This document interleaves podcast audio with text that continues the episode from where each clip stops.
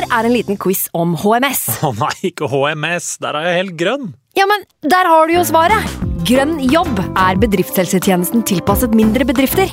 Våre HMS-eksperter hjelper mer enn 8000 bedrifter over hele Norge med alt fra lovpålagte HMS-krav til pålegg fra Arbeidstilsynet. Få på plass bedriftshelsetjeneste på grønnjobb.no. Hallo? Jeg kommer fra Oslo politikammer. Ine Jansen er purk. Er du purk? The motherfucking bitch. Alt jeg vil, er å finne ut hva som skjedde med mannen min. Jon Carew. Er jeg sikta for noe? Iben Akeli. Det er du. Ole So, Lars Berrum og Big Daddy Karsten. Hvem sin side er du på, egentlig? Anette Hoff, Tone Danielsen, Kommer du fra Afrika? Jørnis Josef, Nesten. Kløfta. Trond Espen Seim, Det er synd å si det, men det var feil mann som døde. Purk. Premiere tirsdag på TV2 Play.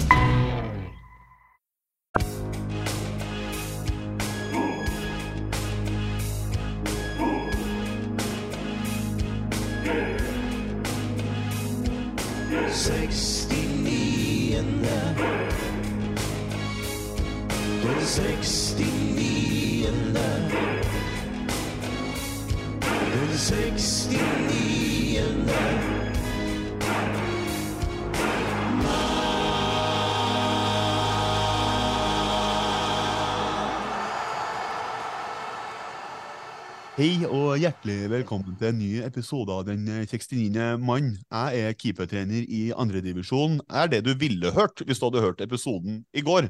For da skulle Jonas hatt ordet. Men i dag eh, så sitter jeg her helt uforberedt og helt sjanseløs på runden. Jeg skulle egentlig hatt fri, men en yrkessjåfør eh, like utafor Kodal ville det annerledes og kjørte av veien og satte Jonas i kø i åtte timer. Så da sitter jeg her. Jonas har rett og slett ditcha meg og Frank for å dra inn til Oslo og spille inn pod med eh, våre venner i Våre beste menn.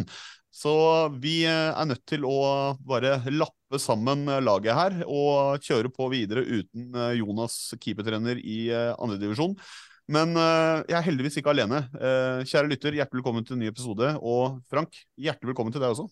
Jo, takk, takk. Eh, som du sier, det ble en litt sånn merkelig dag i går, og vi hadde jo en avtale med en gjest, og det ble jo litt sånn surr frem og tilbake for å i det hele tatt få spille inn episoden her. Men vi landa jo på dagen etterpå, da, og ja, kanskje like greit for min del òg, for jeg kom jo rett fra Aspmyra i går eh, kveld med skikkelig hes supporterstemme og, litt, eh, litt for mye godt innabords, så det er kanskje like greit at det ble utsatt en dag. Jeg tror ikke det bare var like greit for eh, din del, jeg tror det var like greit for eh, i hvert fall Jonas sin del. fordi han hadde sannsynligvis fått helt hetta ved å sitte med en eh, litt sånn småtips i Frank som ikke egentlig hører stemmen på.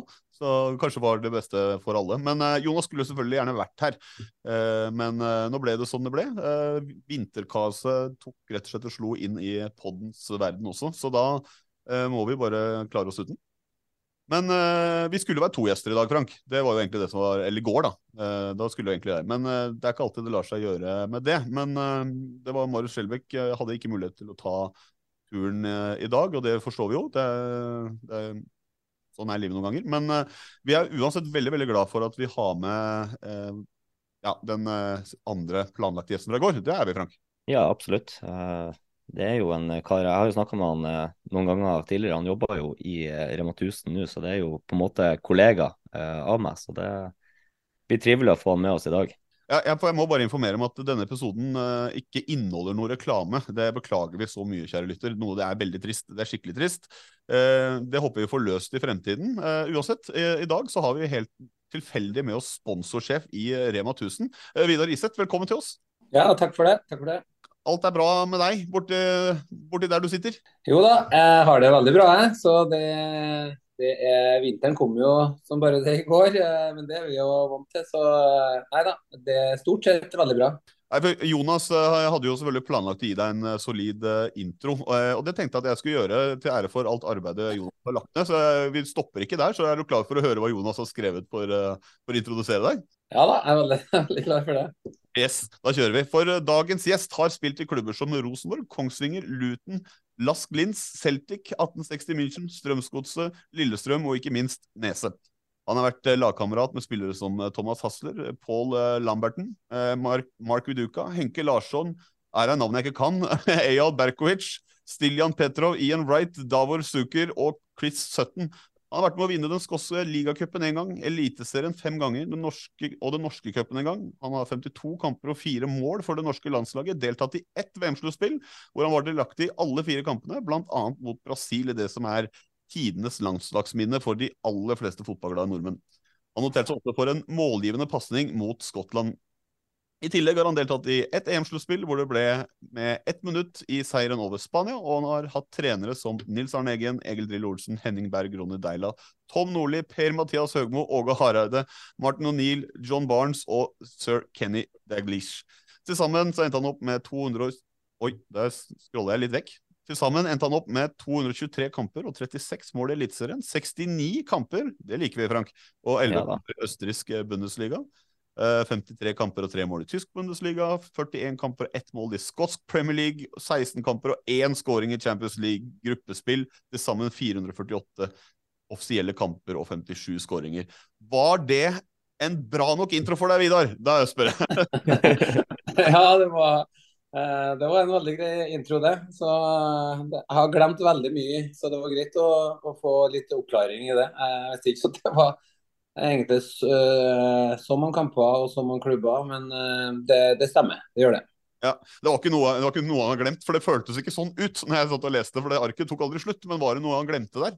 Ja, jeg må jo ta med én klubb her, da, så, eh, og det er Hvis jeg ikke tar med den, så får jeg, jeg får jeg litt, eh, litt kjeft av mine kollegaer på, på Bygdøy. Jeg har også spilt for Bygdøy-monolitten i Oslo. så, så det var i sjette divisjon, eh, ja, Sjuende, nei, sjuende divisjon var det. Så jeg spilte her eh, med Morten Ramm og de så guttene, så det var de som fikk meg der. Så det var bare veldig gøy.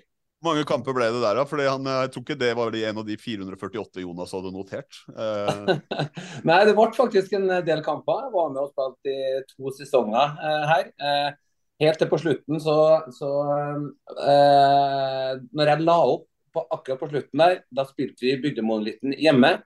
Og da var det du spilte imot eh, mot et lag, da, og det hadde en del unge spillere som har fått med seg at jeg var en, eh, en gammel profil, og de skulle ta meg i løpet av kampen. da. Og da har jeg begynt å bli så mye tregere i egentlig alt. Eh, hodespillet og farten og, og den biten der. Og til slutt så eh, ble det sånn at jeg ble altfor sein, og da tenkte jeg nå tar jeg bare mann. Og det har vært mye sutring. og Det ble direkte rødt kort. Og da eh, gikk jeg forbi Morten Ramm, tok av meg skjorta og så sa jeg nå legger jeg opp, og da dro jeg hjem. så det var, det var, det var avslutningen. ja, men Det er jo en uh, nydelig avslutning og en uh, fantastisk uh, historie som jeg skjønner at Jonas ikke har klart å finne i sin research. Da. Det kan jeg jo si. Men da skryter vi bare opp antallet til 500 kamper, så du når ei milepæl der, da. Ja, OK. ja. Jeg kan, jeg kan si det, da. Nei, men uh, uansett, uh, velkommen til oss, og uh, takk for at du tar deg tid.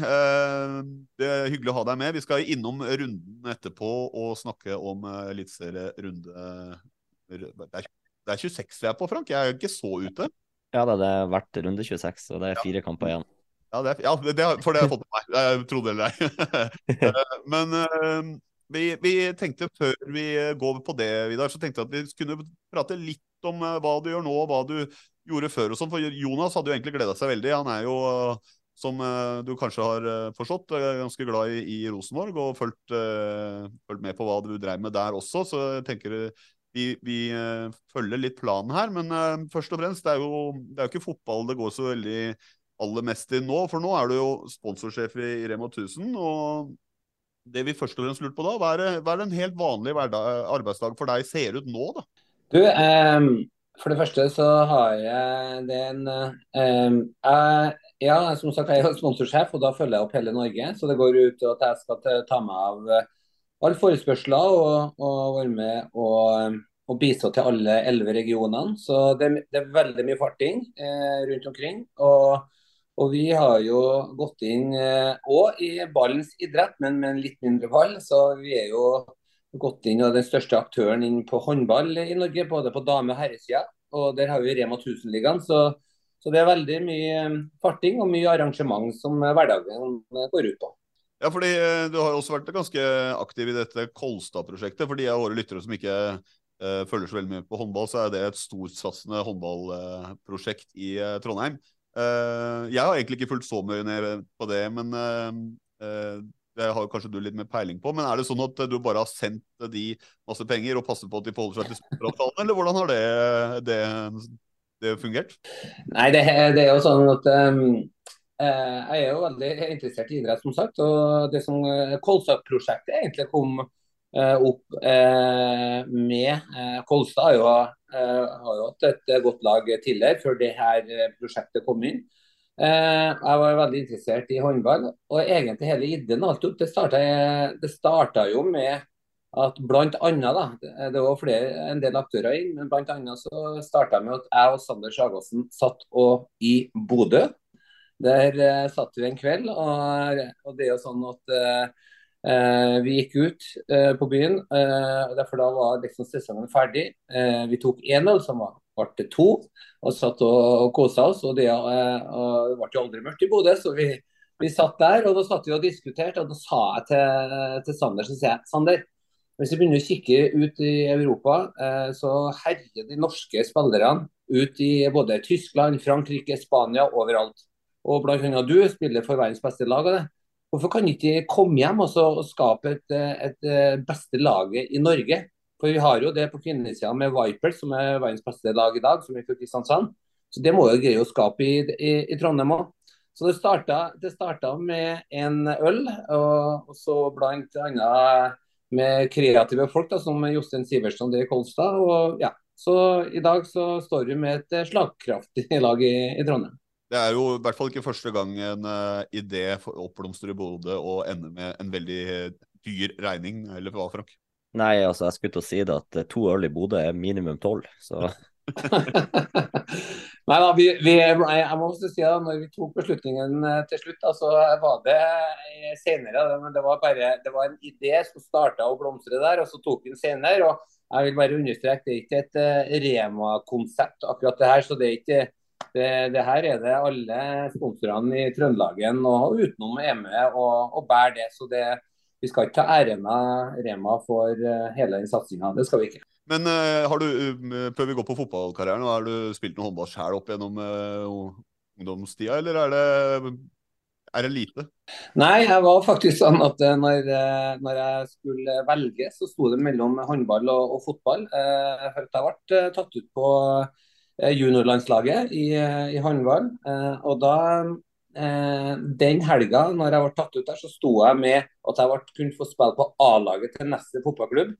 Og eller dra på eh, samling med landslaget på, på juniorsida i håndball. Og da måtte jeg ta et valg. Og da valgte jeg eh, Nesset A-laget og debuterte der kontra håndball. Og da ble det at jeg gikk i retning fotball i stedet for håndball. Så det, det, det kunne ha sett annerledes ut hvis jeg hadde gått andre veien. Eh, da har det blitt en mindre ball. Kanskje hadde du stått og satsa et, eh, stått for noen sånn sponsorside i dag på et dyrt fotballprosjekt i Trondheim for det, som tidligere håndballspiller. Eh, eller noe sånt. Nei, men uh, vi, vi, skal ikke snakke for mye om håndball, for vi vet at lytterne våre er mest glad i en litt større ball, da, som du nevnte. Ja. Uh, du har jo en fotballkarriere òg, og Jonas har vel egentlig uh, lyst til at vi skal si det akkurat sånn her. For han, han, mener at du hadde en veldig bra karriere, men at du kanskje hadde en litt sånn snodig en, for du starta som spiss. Og så endte det ikke helt opp der, men så var du med på veldig mye. Og vi rekker ikke alt det, men vi må se på noe av, noe av det og mimre litt. Altså, eh, kan ikke du fortelle litt om starten på seniorkarrieren, og, og, hvordan du husker det? Jo, jeg kan jo ta starten. Eh, jeg spilte for Nesset fotballklubb, eh, og da eh, var jeg jo spiss. Eh, og og gjorde det bra der. Fikk tilbud fra Rosenborg, kom inn der. Eh, så ble det sånn at jeg ble tatt opp i avstanden til Rosenborg. Eh, Gøran Sørloth han eh, brakk foten i forsesongen. Eh, så da fikk jeg muligheten til å spille spiss. Eh, spilte ti kamper, skåra 16 mål eh, for, for Rosenborg. Siste kampen før seriestart så spilte vi superfinalen på Ullevål stadion, Rosenborg mot Kongsvinger. Vi vant 4-0. Eh, jeg skåra tre mål. og Helga etter skulle vi starte, og da var jeg 110% sikker på at jeg skulle starte. Gøran Sørloth tok av gipsen uka før, så han kom inn på og fikk ti minutter. og Da skrev media nå er det et eh, skifte, for nå får Vidar eh, start. Og neste helg så var jeg på benken, og da, da starta han Gjøran. For i januar så var det litt som Nils Arne. Han tok ut laget i januar. Og hvis du ikke var på laget da, så var du 12.-13. mann. Eh, og Gøran Gjøran starta, og, og jeg ble sittende på benken. Så da, da var det da kom litt sinne fram til herr Riseth og snakka litt med Nils Arne. Men i ettertid så har jeg, har jeg, jo skjønt det, for jeg var jo veldig ung. og Gjøran var var jo på landslaget den, før han brakk foten. og men når du er ung spiller, så er det ikke alltid du skjønner alt. Eh, men i ettertid så, så, var det sikkert godt at jeg starta på benken og, og, og ble, eh, jeg fikk komme innpå etter hvert. Eh, Du spilte jo under da kanskje Eh, Frank her kan bli uenig med meg i framtida, men Norges største trenerlegende, Nils Arne Eggen. Hva er, hva er, ditt beste minne under å spille under, uh, under han? Nei, Det beste minnet, det var jo Ja, hva skal jeg si? jeg må jo, må jo min kollega som sitter på sida av der, eller med andre øreklokka, må be, beklage det, da. Men det største minnet var når vi slo Bodø-Glimt borte. Jeg skåra det avgjørende målet og ble seriemester.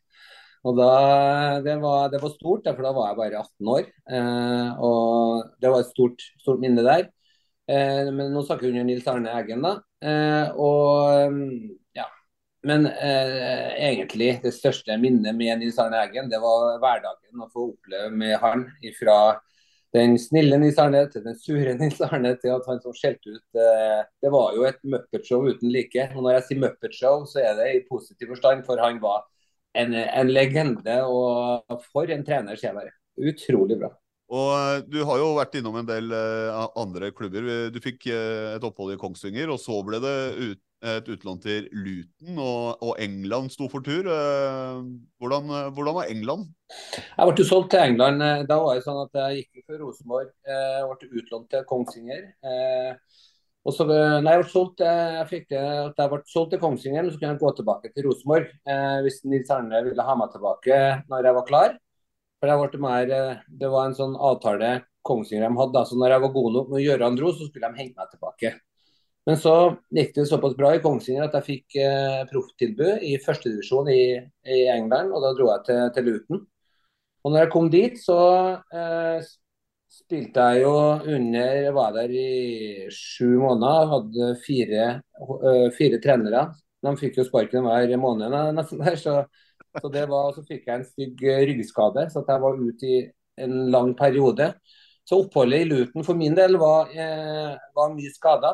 Eh, og, og, og mye, ja, det var mye rot i klubben, så det var, ikke, det var ikke et bra opphold for meg. Og Da fikk jeg dra hjem og i ferien, når eh, de hadde ferie i England, så spurte jeg om jeg kunne få tilbake til Kongsvinger og, og spille, få litt spilletid, for da nettopp kommet jeg hjem fra skade.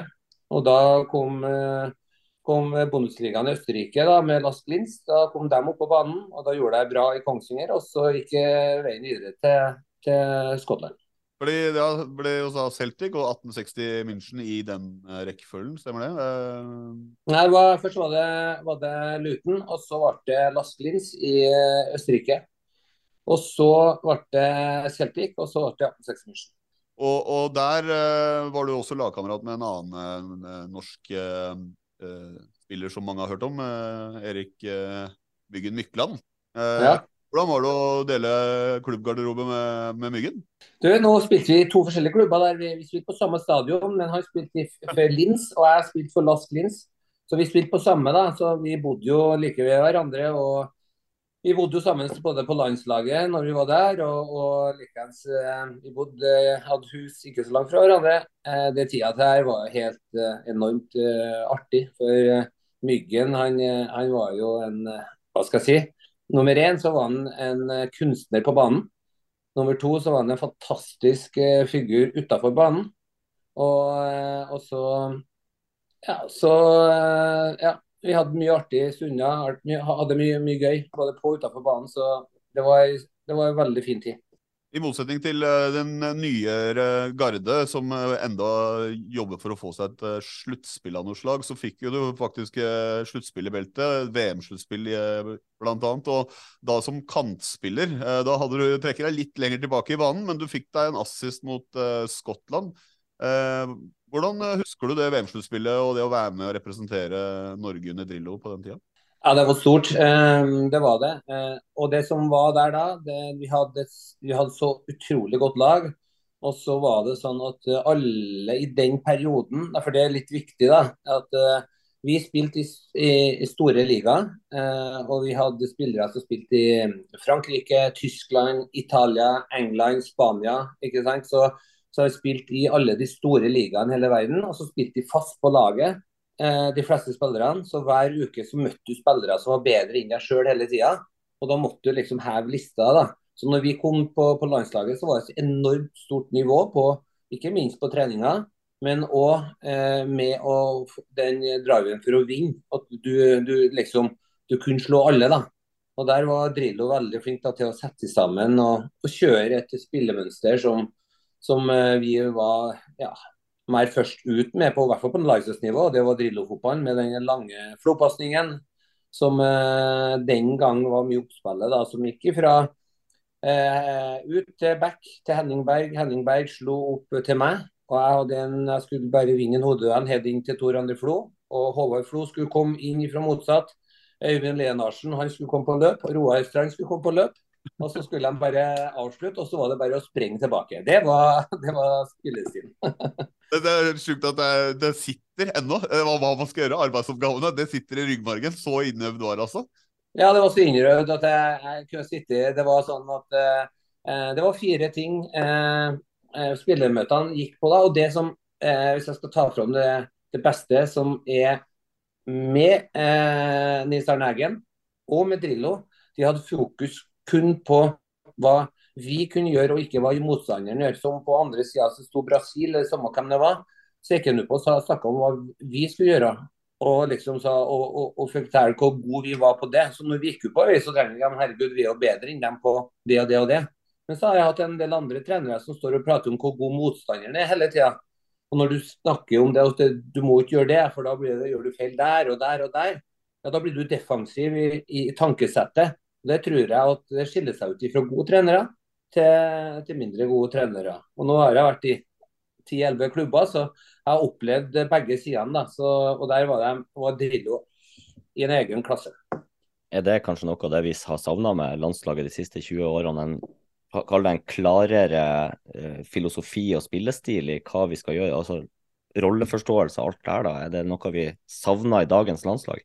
Ja, absolutt. Eh, jeg vil si at Hvis du ser på dagens landslag, så har vi, vi har jo de typene som, eh, som gjør det veldig bra og klarer tydelige roller i, i lagene sine. Hvis du ser Martin Nødegaard i Arsenal, eh, Haaland. Det er klare, klare roller hvordan vi skal spille for at, at de skal bli best mulig i, i, i spillet. Og, og, og, og det føler Når jeg sitter og ser eh, kamper, så ser jeg like mye på ikke bare på de pasningene, men egentlig bevegelsene i hele systemet på banen, hvordan det fungerer. Så når ballen er på høyresida i et uh, oppbyggingsfase, så ser jeg like mye på venstresida. Hvordan er det de går, hvor offensiv og defensiv de er. Og Der syns jeg at, uh, at, vi henger litt etter i forhold til det som var, var før. da. Etter uh, en liten uh, streif rundt omkring i Europa og litt VM-sluttspill og sånn, så tok du turen tilbake til RBK da for å spille midtstoppe. Da var det, det trukket helt tilbake i banen. Uh, det var jo litt på den tida hvor det begynte å nærme seg at denne storhetstida kanskje gikk litt mot slutten, men du, likevel ble det både serie- og cupgull og Champions League-deltakelse. Mm. Merka du da at det var litt nye tider rundt Rosenborg, eller så du liksom for deg at denne uh, suksessen skulle vare evig, sånn som man kanskje hele Norge hadde sittet litt med følelsen i mange år. at det, det skulle det noen gang ta slutt? Nei, vi, vi kom jo tilbake og vi så jo at det ble mye mer eh, Det ble enda mer økonomi i de andre store klubbene, som eh, Brann. Eh, når jeg kom hjem i 2003, var det? 2002-2003, så, så, så vi at det nå begynte å se litt annerledes ut i klubbene. Du hadde jo var det Chess og de med eh, Volvik Nei, hva heter den? Eh, ja, den eh, ja, det var grupperinger i Bergen og sånt som gikk inn med investorgrupper og dytta mye mer penger inn i klubbene. Og så fikk de begynne å hente hjem en del mer av de store profilene som er rundt. Så det ble, eh, vi så at det ble eh, større konkurranse, og det så vi jo både med Stabæk tok jo ene året gull. Eh, Vålerenga tok jo gull, eh, Brann tok jo gull. ikke sant? Så vi så liksom eh, konturene på det. Men vi greide jo og jeg var veldig fast og bestemt på at når jeg skulle hjem, så skulle jeg ikke bare hjem for å ta imot eh, og spesielt lønna mi. Eh, jeg var så sikker på meg sjøl at når jeg skulle hjem, så skulle jeg hjem for å bevise. Og i 2003, da når jeg kom hjem, det var 2003, da min første sesong da, så da ble jeg fikk jeg jo en pris der jeg ble kåra til eh, eh, det jeg fikk den eh, Kniksen-statuetten. Der jeg ble kåra til årets eh, forsvarsspiller. Og Det er jo av de andre spillerne og trenerne som er med og, og, eh, og bestemmer det. og Det er jo den prisen som eh, vi spillerne syns er best, for da er kollegaer som er med og tar den. Og, så Det var en av mine beste sesonger faktisk jeg hadde, både i, Norge og i utlandet. Hvordan har det egentlig vært å, å, å gå gjennom en liksom gradvis omstilling i karrieren med å starte på topp, og så ender du i Midtforsvaret til slutt der. Hvordan, hvordan angrep du det underveis? Nei, jeg ble jo, jeg ble jo kalt potet. Det var, jo i, det var jo overalt når jeg var i Skottland òg. Så eh, Kenny, Dagers kalte meg poteten der òg. eh, jeg spilte jo overalt. Men jeg fikk jo spill hele tida, da. Eh, det var en fordel. Så jeg tror at hvorfor jeg kunne spille mye overalt, pga. at jeg hadde, jeg hadde hurtighet, jeg hadde fart, og, og, og så hadde jeg, var jeg god én mot én. Det var jeg god på, men teknikk det hadde jeg jo ikke. Jeg var ikke noen tekniker. Det, det var heller, jeg, da var jeg heller mer takler. Jeg måtte lage frispark i stand, for jeg var ikke noen god tekniker. Det var jeg ikke. Men de tre egenskapene jeg hadde der, det, det er jo eh, Det funka veldig bra da, for trenerne rundt omkring. og Derfor fikk jeg spille ganske mye. da. Men jeg kan gi deg en liten fun fact som du ikke har fått på blokka di der. Ja. Det er faktisk at uh, hvis vi, uh, hvis vi, tar min karriere som du var innom i stad, så har jeg faktisk spilt på det øverste nivå. Så jeg har spilt på samtlige eh, posisjoner, til og med keeper, og det var i, under eh, i Kongsvinger. Og så har jeg vært eh, jeg, var, jeg, var, På Kongsvinger så var jeg eh, kaptein på Kongsvinger når jeg spilte i Tippeligaen. Eh, jeg var markedssjef på Kongsvinger når vi spilte i Tippeligaen samme året. Og jeg var trener for Kongsvinger samme året uten lisens. Så jeg har vært på alle posisjoner. og, og, rett og slett prøvd hele greia med fotball? Jeg har prøvd hele greia med fotball, så, så derfor er det Nei, det er litt artig å se tilbake på. Ja, ja. Det, det, ser jeg. Men eh, det vi skal straks avslutte. Men du hadde jo en tur innom både Strømskog til Lillestrøm, og, og Kongsvinger har vært nevnt flere ganger. Eh, mm. kampen der. Hvordan husker du de siste åra? Sånn, du begynte vel kanskje å slite litt med noe noen skader noe som også på tampen der, hvis det ikke var helt uh, ute her, men uh... Ja, jeg gikk jo når jeg var i, i Rosenborg, og så var jeg jo innom uh, Lillestrøm. Um, og der var det jo sånn at uh, da hadde jeg med Tom Nordli. Tom Nordli er en veldig, veldig bra trener. Han, men han elsker jo liksom å trene veldig mye. Så jeg tror at Tom Nordli har ligget helt oppe i toppen. Hvis Tom hører på nå, så er det bare kjærlighet. men jeg mener det at han eh, trente altfor mye spillerne, og det, vi var liksom på treningsfeltet eh, ja, tre timers økt nesten hver dag. og Det, det går ikke i lengden. Det kommer slitasje og alt mulig. og hvert fall når du er såpass gammel som meg, når de henta meg. Så mye av det begynte jo at eh, det ble altfor mye trening i forhold til kroppen min, og da kom en del skader eh, på, på, slutten der. Eh, så jeg var der liten, men så dukka Ronny Deila opp, da. Og da holdt Strømsgodset på. De tok ble nummer to i serien det ene året, og så holdt de på å rykke ned år to. Og Da var det en eh, siste halvdel av sesongen. Så lurte han på om jeg ikke kunne komme til de, for de hadde så mye unggutter og spilte en halv sesong. og Da måtte jeg være med og berge godset. Og det greide vi. og da og da la jeg opp eh, etter, etter eh, Strømsgodset. Da skulle jeg legge opp, men da ble det litt baluba på Kongsvinger. For I 1995, da når jeg dro ut på eventyret mitt, så sa jeg det i Glåmdalen i et intervju med skipperen. Han er dessverre død i dag, men eh, da sa jeg følgende. At Kongsvinger har gitt meg så mye at eh, jeg, skal legge opp på Kongsvinger eh, den dagen jeg skal altså Kongsvinger kommer til å bli min siste klubb. Det sa jeg. Og da gikk jeg ut, og så var jeg ferdig på Så sa jeg nå legger jeg opp. Og da kom Glåmdalen så sier jeg men du, du sa i 1995 at du skulle legge opp og du må holde ord. Og så sa jeg ja, men det var jo hvis eh, Kongsvinger var i Tippeligaen den påfølgende året. Og nå er det jo førstedivisjon. Ja, men vi kan jo rykke opp, da, sier han. Ja ja, men hvis vi rykker opp, da skal jeg klart jeg skal gjøre det, da. Og da lå de såpass langt bak. Så vant de hver kamp, og så rykka de opp. og da måtte jeg ta et uh, år til på Kongsvinger, da. Og da tok jeg et halvt år. Og så la jeg opp på Lerkendal. Men, uh, men uh, du sa jo at du la opp med Bygdøymonolitten, eller hva det het for noe. Så du, egentlig du, har du noen kamper igjen på Kongsvinger da, som du skylder dem? Eller? Nei, da gikk jeg til Kongsvinger og så la jeg opp der, men da snakker jeg om på øverste nivå. Okay, okay, okay, ja, ja, og så gikk Jeg til eh, Jeg gikk fra Tippeligaen og så ned til Bygdøymonolitten i 7. divisjon. Altså. Så jeg gikk hoppa ganske langt ned, da. Ja, Så det, du, føler du, har, du, føler du har stått inne for løftet du ga i 95 i Glåmdalen?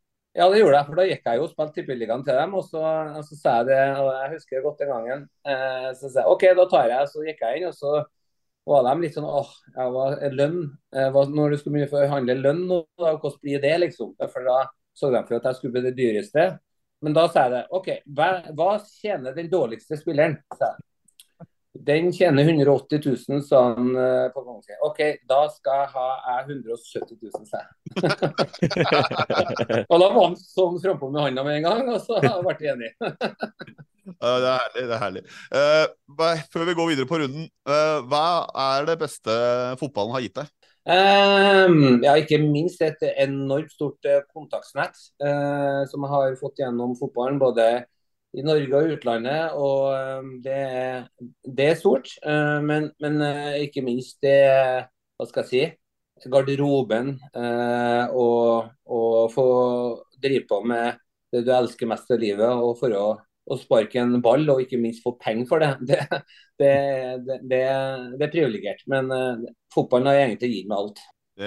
Lar vi det være de siste orda på dette segmentet om deg, Vidar. Vi skal rett og slett prøve å få meg oppdatert, skal vi si det sånn, på runde 24 i årets eliteserie. 26.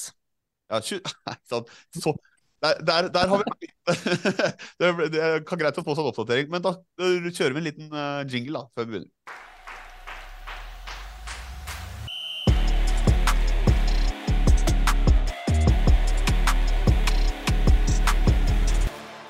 Det er jo uh, runden, uh, ikke 24, ikke 25, men runde 26, som er dagens hovedtema. Og det var jo faktisk sånn at når vi skulle spille inn, eller når Frank og Jonas og Vidar skulle spille inn i går, så skulle man faktisk spille inn mens det pågikk både én og to kamper, nesten.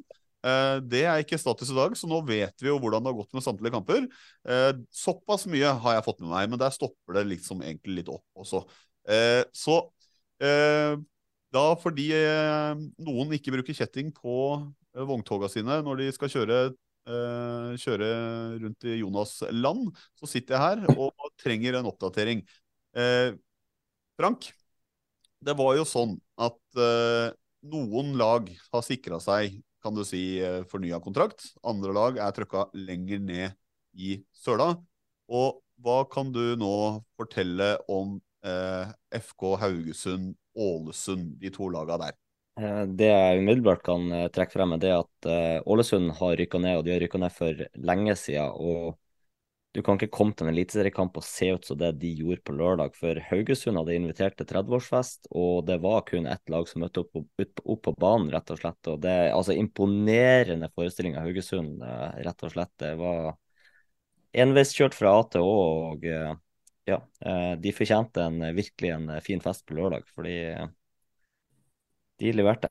Mm, fordi eh, må også, Vi må også ta og sende en gratulasjon til Haugesund, som da feiret 30 år i helga. Vi ble tagga i en tweet av Torgeir Katla, som skriver Haugesund feirer 30-årsdagen, og etter 6-1 og 6-0 til herre- og damelaget i helgen, står begge lag med 30 mål og 30 poeng.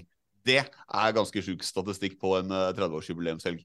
Uh, jeg har jo meldt, uh, strekt hånda i været uh, og, at, og lagt hodet på blokka og sagt jeg tror Haugesund ryker.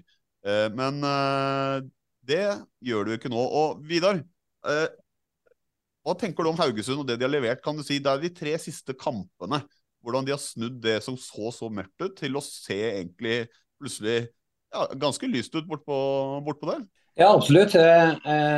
Jeg hadde jo var en periode der jeg òg. Jeg tenkte at eh, Haugesund det var, Jeg så ikke den gnisten og det blant eh, spillerne. Og, og, det var liksom eh, De har jo en del profiler der, men du så liksom ikke, ikke den gnisten. Og nå i siste eh, tida da ser du det som er så herlig med fotballen. Det har, det har snudd. Og nå har vi liksom sett at de har virkelig fått den gnisten tilbake. Og eh, jeg er, veldig, jeg er veldig sikker på at uh, Haugesund uh, de kommer til helt klart å, å, klare seg i år. Uh, og jeg tror ikke det når jeg så det sist. Da hadde de på, på nedrykk. Fordi De har jo vært gjennom en turbulent sesong.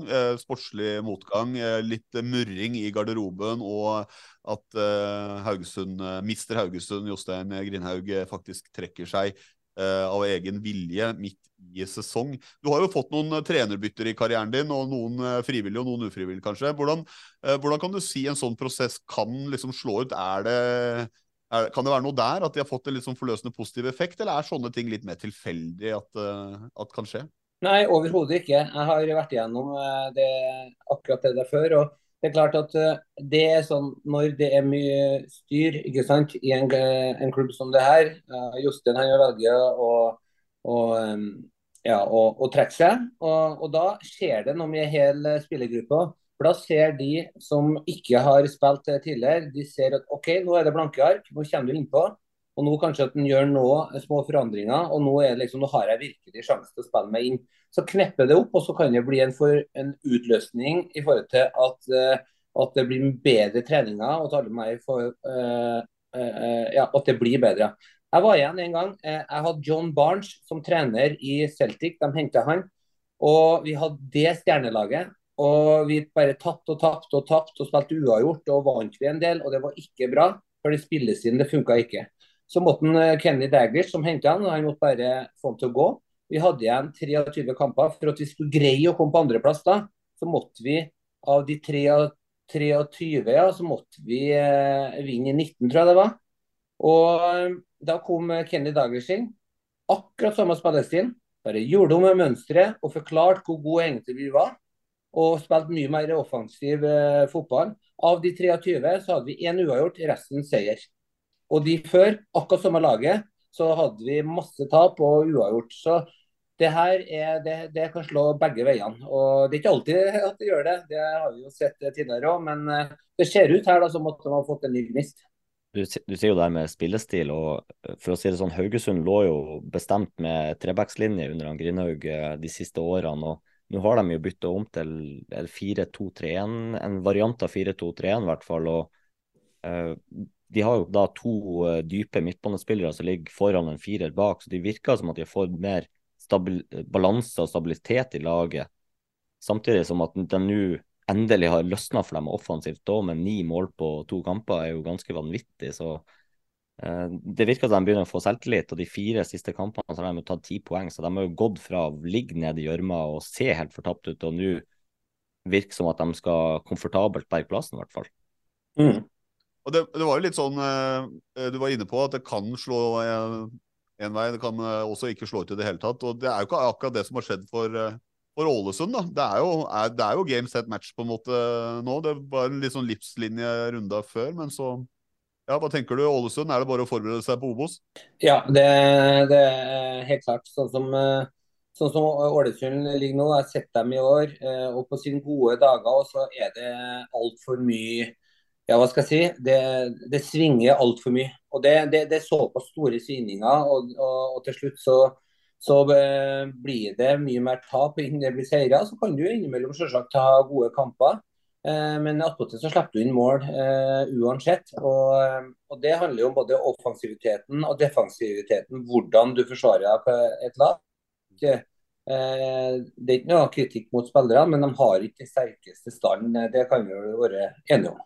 Jeg, jeg, så jo, når jeg så denne kampen på lørdag, så, så, tenkte jeg det at det har ikke vært et dårligere lag enn Ålesund 2023 enn Ålesund 2020. Da tok de 11 mm. poeng og rykka ned med to seire på 30 kamper. Så. Eh, men det er ikke det. Jeg syns jo Ålesund er et bedre lag i år enn hva de var da. Men det var så tafatt det de leverte i helga. Det var så, eh, det var så oppgitt. De, de, var liksom de har fått syv poeng de siste tre kampene. De hadde kanskje sesongens sterkeste kamp oppe i Tromsø for to runder siden, der de vinner 2-1, eller hva det var. Så hadde de vunnet nå òg og fortsatt den gode stimen, så Kanskje de har klart å kunne motivert seg opp til en kvalik eller noe sånt hvis det var et par andre lag som snubla, men den kampen de leverer nå, så er det rett og slett de har bare innsett at det er Obos neste år. Mm. Ja, Vi gratulerer i hvert fall eh, Haugesund med det som kan virke som en eh, fornya kontrakt på 30-årsdagen. Eh, vi hopper videre til Marienlyst og det som kan Man kan vel være dristig å påstå at det er vi er vitne til eh, Vikings lille nedtur live. fordi etter mye gullprat og gullkamp så eh, har vel det toget gått. Det blir et 1-0-tap eh, og enda en i sekken på ganske kort tid. Eh, gullkampen er over for Vikings del, eller videre? Ja, helt klart. Det er dem. Og, og, og, det er klart, Viking de har jo gjort det, de har snubla på slutten. Eh, helt klart. De har vært, spilt veldig god fotball tidligere i år. Eh, og så jeg vil jo si det at eh, hvis det skjer alt, alt, i alt, så vil jeg si at eh, eh Viking har ja, Nå så er de jo på en fjerdeplass. Eh, de skulle helt klart vært med opp i toppen og, og kunne utfordra eh, Bodø-Glimt. Men det, sånn som jeg ser det, så er det, er det, et, eh, det er forskjell eh, ennå. Men sesongen i alt så har Viking eh, har gjort det bra. Det er fire kampene igjen nå, så vi får bare håpe nå da, at de eh, gjør det bedre i de siste, siste kampene her nå.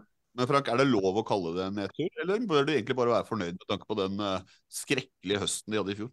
Du er nødt til å kalle det en altså Det er jo svært skuffende for en supporter å på en måte se laget sitt rakne så brutalt som det de har gjort. da. Og så kan man jo si at det er litt sånn varsla for Viking. De sliter mot uh, lag som ligger i 3-5-2. Uh, eh, og når de da taper 4-0 eh, mot Molde og får 1-1 mot Odd, så, så, meldte jeg det at jeg tror Viking får det tøft de tre neste kampene nå. For de har møtt to 3-5-2-lag, og de skal møte tre 3-5-2-lag etter de to kampene. og Da har de tapt mot Tromsø, og de har nå tapt mot Godset. Og neste runde har de HamKam også, som spiller 3-5-2.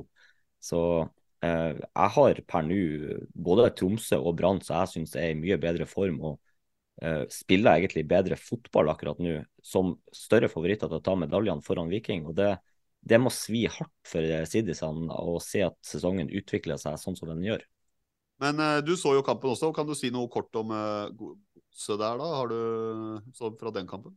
Jeg så egentlig fotballekstra, altså. men jeg har prøvd å følge med de kampene som gikk. Men det, det jeg får med meg, er jo det at godset er, eh, som de har vært mot flere topplag, de er gode og ligger defensivt. Har fin struktur, er uh, oppofrende og kjemper for hverandre. Og så er de gode å ta angrepene, de riktige angrepene og være raske i dem. Så det er ikke noe, er ikke noe, ny, er ikke noe nytt godset kommer med i forhold til hvordan de har spilt mot topplag tidligere i år.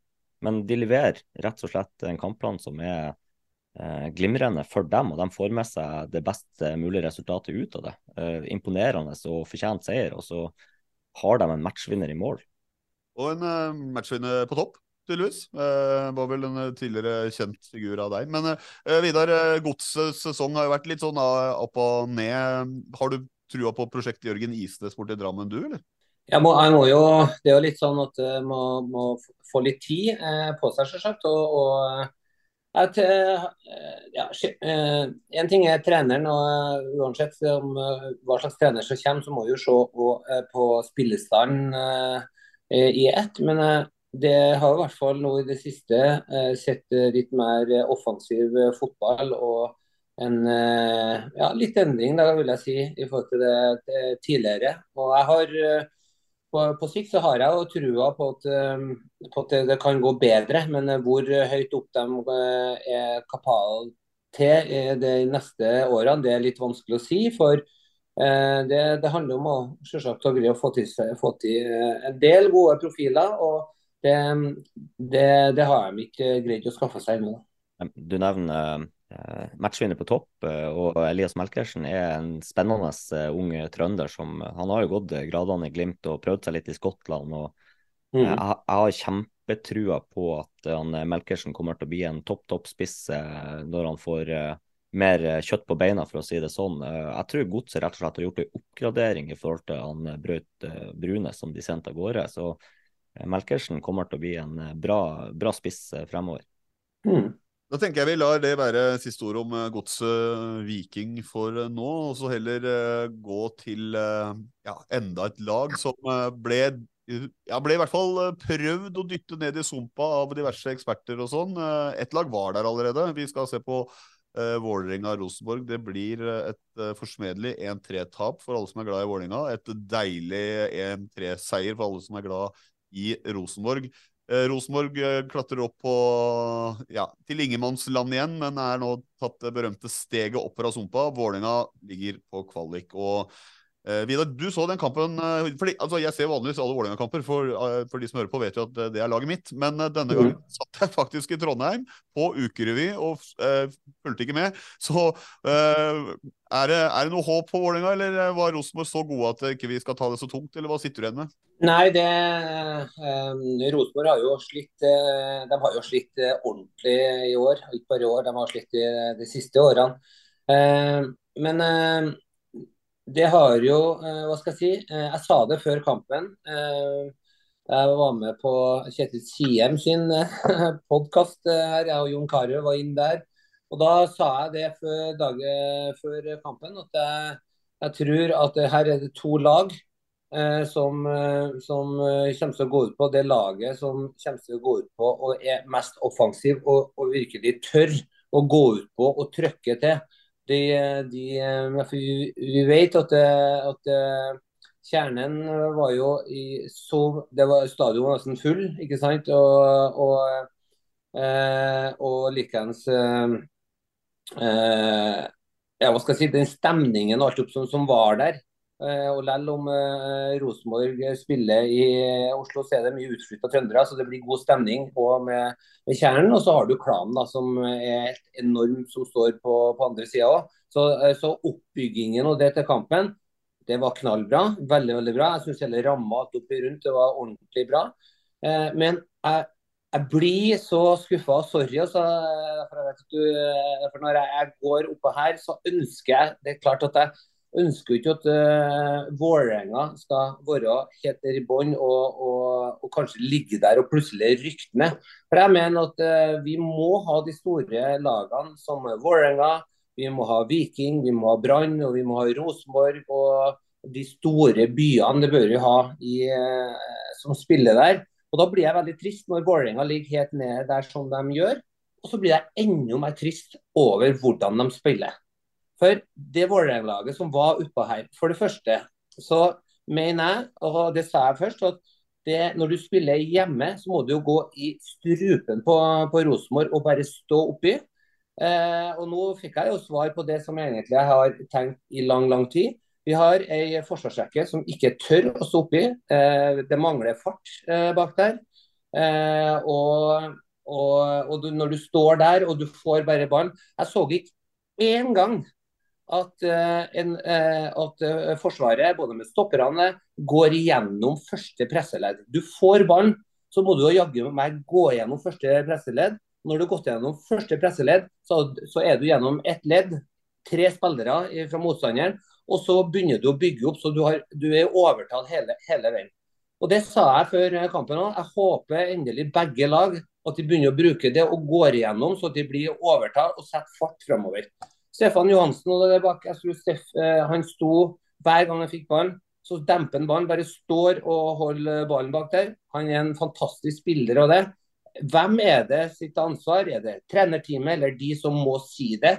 Jeg sto og kikka på trenerne og jeg sto og kikka på alt. Når de får ballen, de sier ingen verdens ting. Så står de oppe der, da. Og det er jo verdens enkleste oppgave å være forsvarsspiller. Og, og bare når du vet at uh, den ballen blir spilt tilbake, så står de der, og så kommer de ikke. Og, og jeg, jeg, prøver ikke å disse ingenting her, men uh, jeg tror at det er en av tingene som Vålerenga sliter med. De må tørre mye mer, og de må gå framover. Og da må de bare trekke inn bekkene og holde farten bak der. Og så må stopperne begynne å uh, gå på jobb og gå gjennom presseledd og spille ut og bli med i angrep. De kan ikke bare stå bak der. Da, da blir de i sumpen. altså. Beklager. Ja, Det var jo ikke det jeg håpa du skulle si. Nå har, jeg, nå har jeg, jo vært trist nesten hele sesongen, eh, egentlig jeg. da. Eh, for det har vært en blytung sesong for alle som er glad i Vålerenga. Eh, det er ikke over, men Frank, har du noe å krydre denne, denne analysen med? Jeg kan starte med det at jeg spurte han Jonas i går vil jeg skal forberede noe om uh, Vålerenga-Rosenborg, eller har du kontroll der? Og Jonas bare sa nei, jeg har kontroll, det var to pissdårlige lag.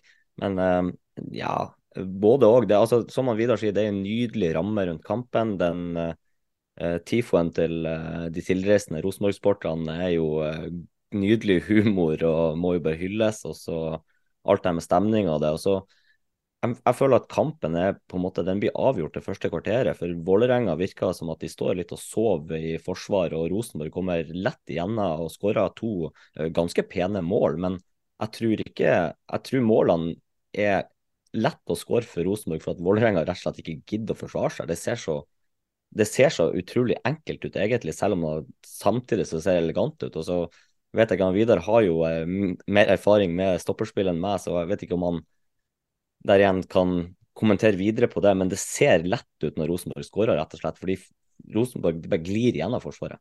Ja, jeg er helt, jeg er helt enig. for det, det eh, som er du forsvarsspiller der, så, så du skal ikke gli så lett. Og, og, og, du har jo både Johansen og alle de som, som, er der, de er jo riktig på plass. Men med en eller annen grunn så, så, så prater jeg ikke godt nok bak der. Og, og det, blir, det ser altfor enkelt ut uh, når de, når de skårer, skårer de målene. Og, um, så det, Jeg følte liksom at Nei, noen dager er det jo sånn, selvsagt. Men det har vært over lang, lang tid. Jeg syns rett og slett at uh, Vålerenga-laget er per dags dato for defensivt. Jeg håper for at jeg håper selvsagt at uh, Vålerenga uh, skal bli i, uh, i Tippeligaen. Jeg tror jo det innerst inne òg, men det er veldig skummelt det som skjer. Når jeg satt og så på venstresida til Vålerenga, så, uh, så syns jeg det var veldig bra. De har noen gode kombinasjoner på venstresida. Men Geir Bakke sier bare når du kommer rundt på, på sida, og det er er så enkel filosofi. Når du kommer rundt på sida, og de spiller ut Rosenborg på sida, du går i rundt, du har igjen bekken. og du går forbi bekken, så tar du en Cruyff-vending, og så vender du hjemover. Og Når du tar en Cruyff-vendingen og vender hjemover, så har alle løpene gått imot mål. Alle går imot mål, og da må de stoppe opp. ikke sant? I stedet for at innlegget kommer når du er forbi, så kommer du i fart. Når du kommer i fart, er det det verste som forsvarsspillere kan få. For da hopper de opp, og så kommer de i fart. Og, og den headinga er et godt eksempel. Når Vålerenga skårer, så kommer de rundt, og han hopper på, så kommer han i fart, og så skårer han. Men når du kommer rundt på sida, vender hjemover, og da må, må løpene stoppe opp. og når, når han vender hjemover, så kommer innlegget. Da står de på død.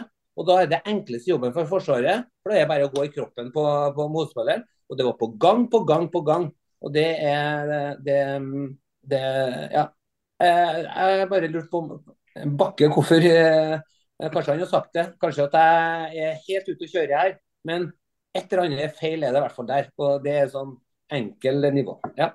Ja, og jeg, jeg, jeg, forstår egentlig ikke denne omlegginga av formasjonen midt i sesong, når du har spillere som åpenbart ikke er komfortable med rollene de blir satt i. Daniel Haakons er en vingspiller, han er ikke noen wingback.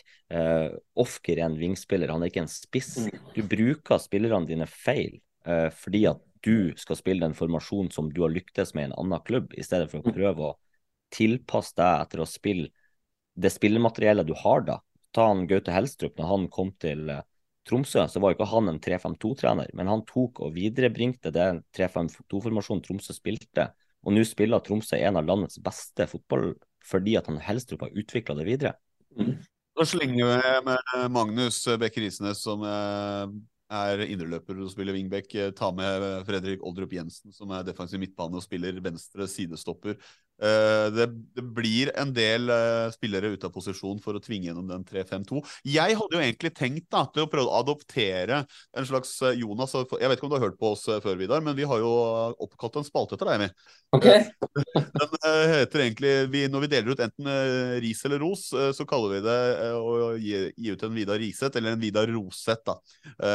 Fra, hvor vi har klippa litt fra noen tidligere utsagn du hadde i etterkampintervjuer, og som er en jingle. Så jeg hadde egentlig tenkt å ta det, men Frank, du er også inne på det tvinge gjennom der, så jeg tenker at istedenfor at jeg går gjennom den Uh, for det har egentlig blitt dekka med deg nå, Vidar, så vi fikk en sånn uh, original variant, følte jeg. Uh, så kan vi heller bare kjøre den jingeren etter, og så hopper vi til neste kamp. Er det en bra plan? Det er en bra plan. Da gjør vi det. oh, men det er klart, jeg vil si én ting.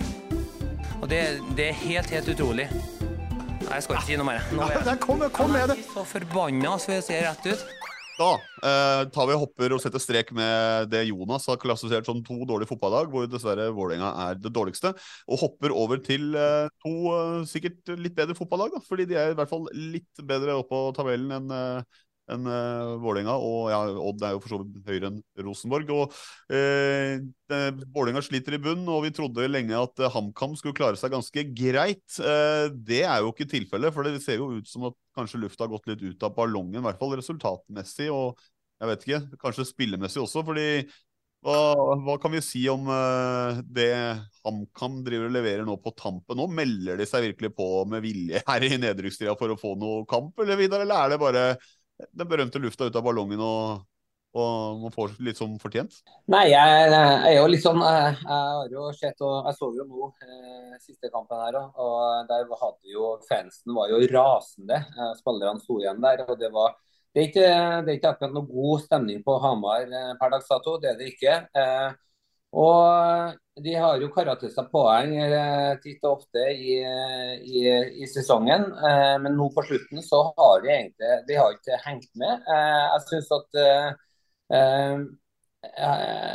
Jeg var ganske sikker for tidligere at HamKam de karakteriserer så mye poeng at de kommer til garantert å overleve. Men nå på slutten så har det vært mye Ja, hva skal jeg si? de har ikke hengt med, rett og slett.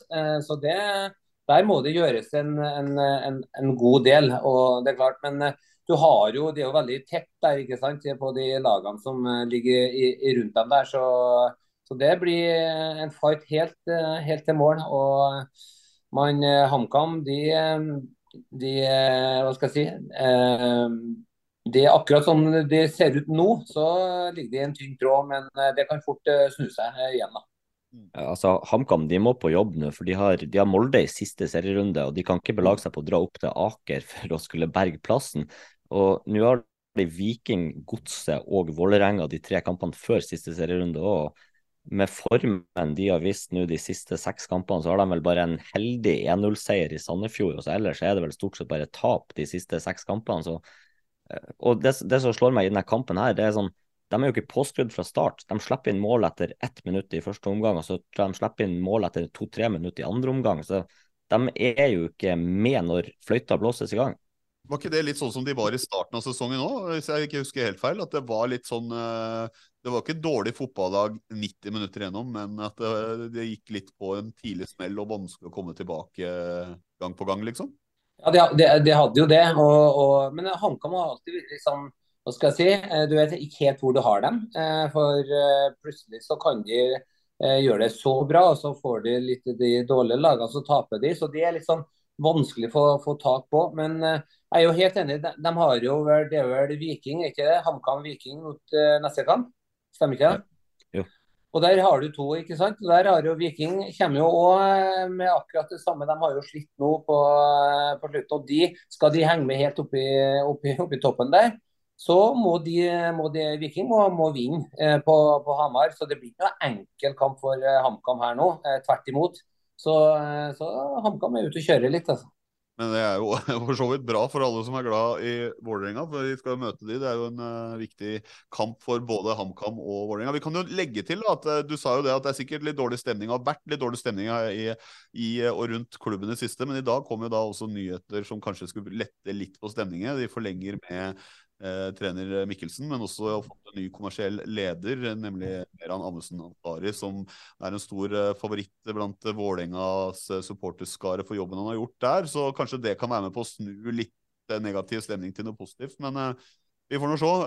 Odd da, Frank. Er det noe å si der, eller er det same old, same old? Ja, altså, Odd de vinner jo ganske komfortabelt. da De har jo kontroll på kampen. men ja, jeg, vet, jeg, vet, ikke hvor mye man skal uh, gå inn på Odd akkurat nå i denne delen av sesongen. For at de er jo i det sjiktet sammen med ja, si Rosenborg, Sarpsborg, Lillestrøm. De, eh, de er lagene som på en måte Det eneste de har å kjempe for nå, er en plassering opp eller ned.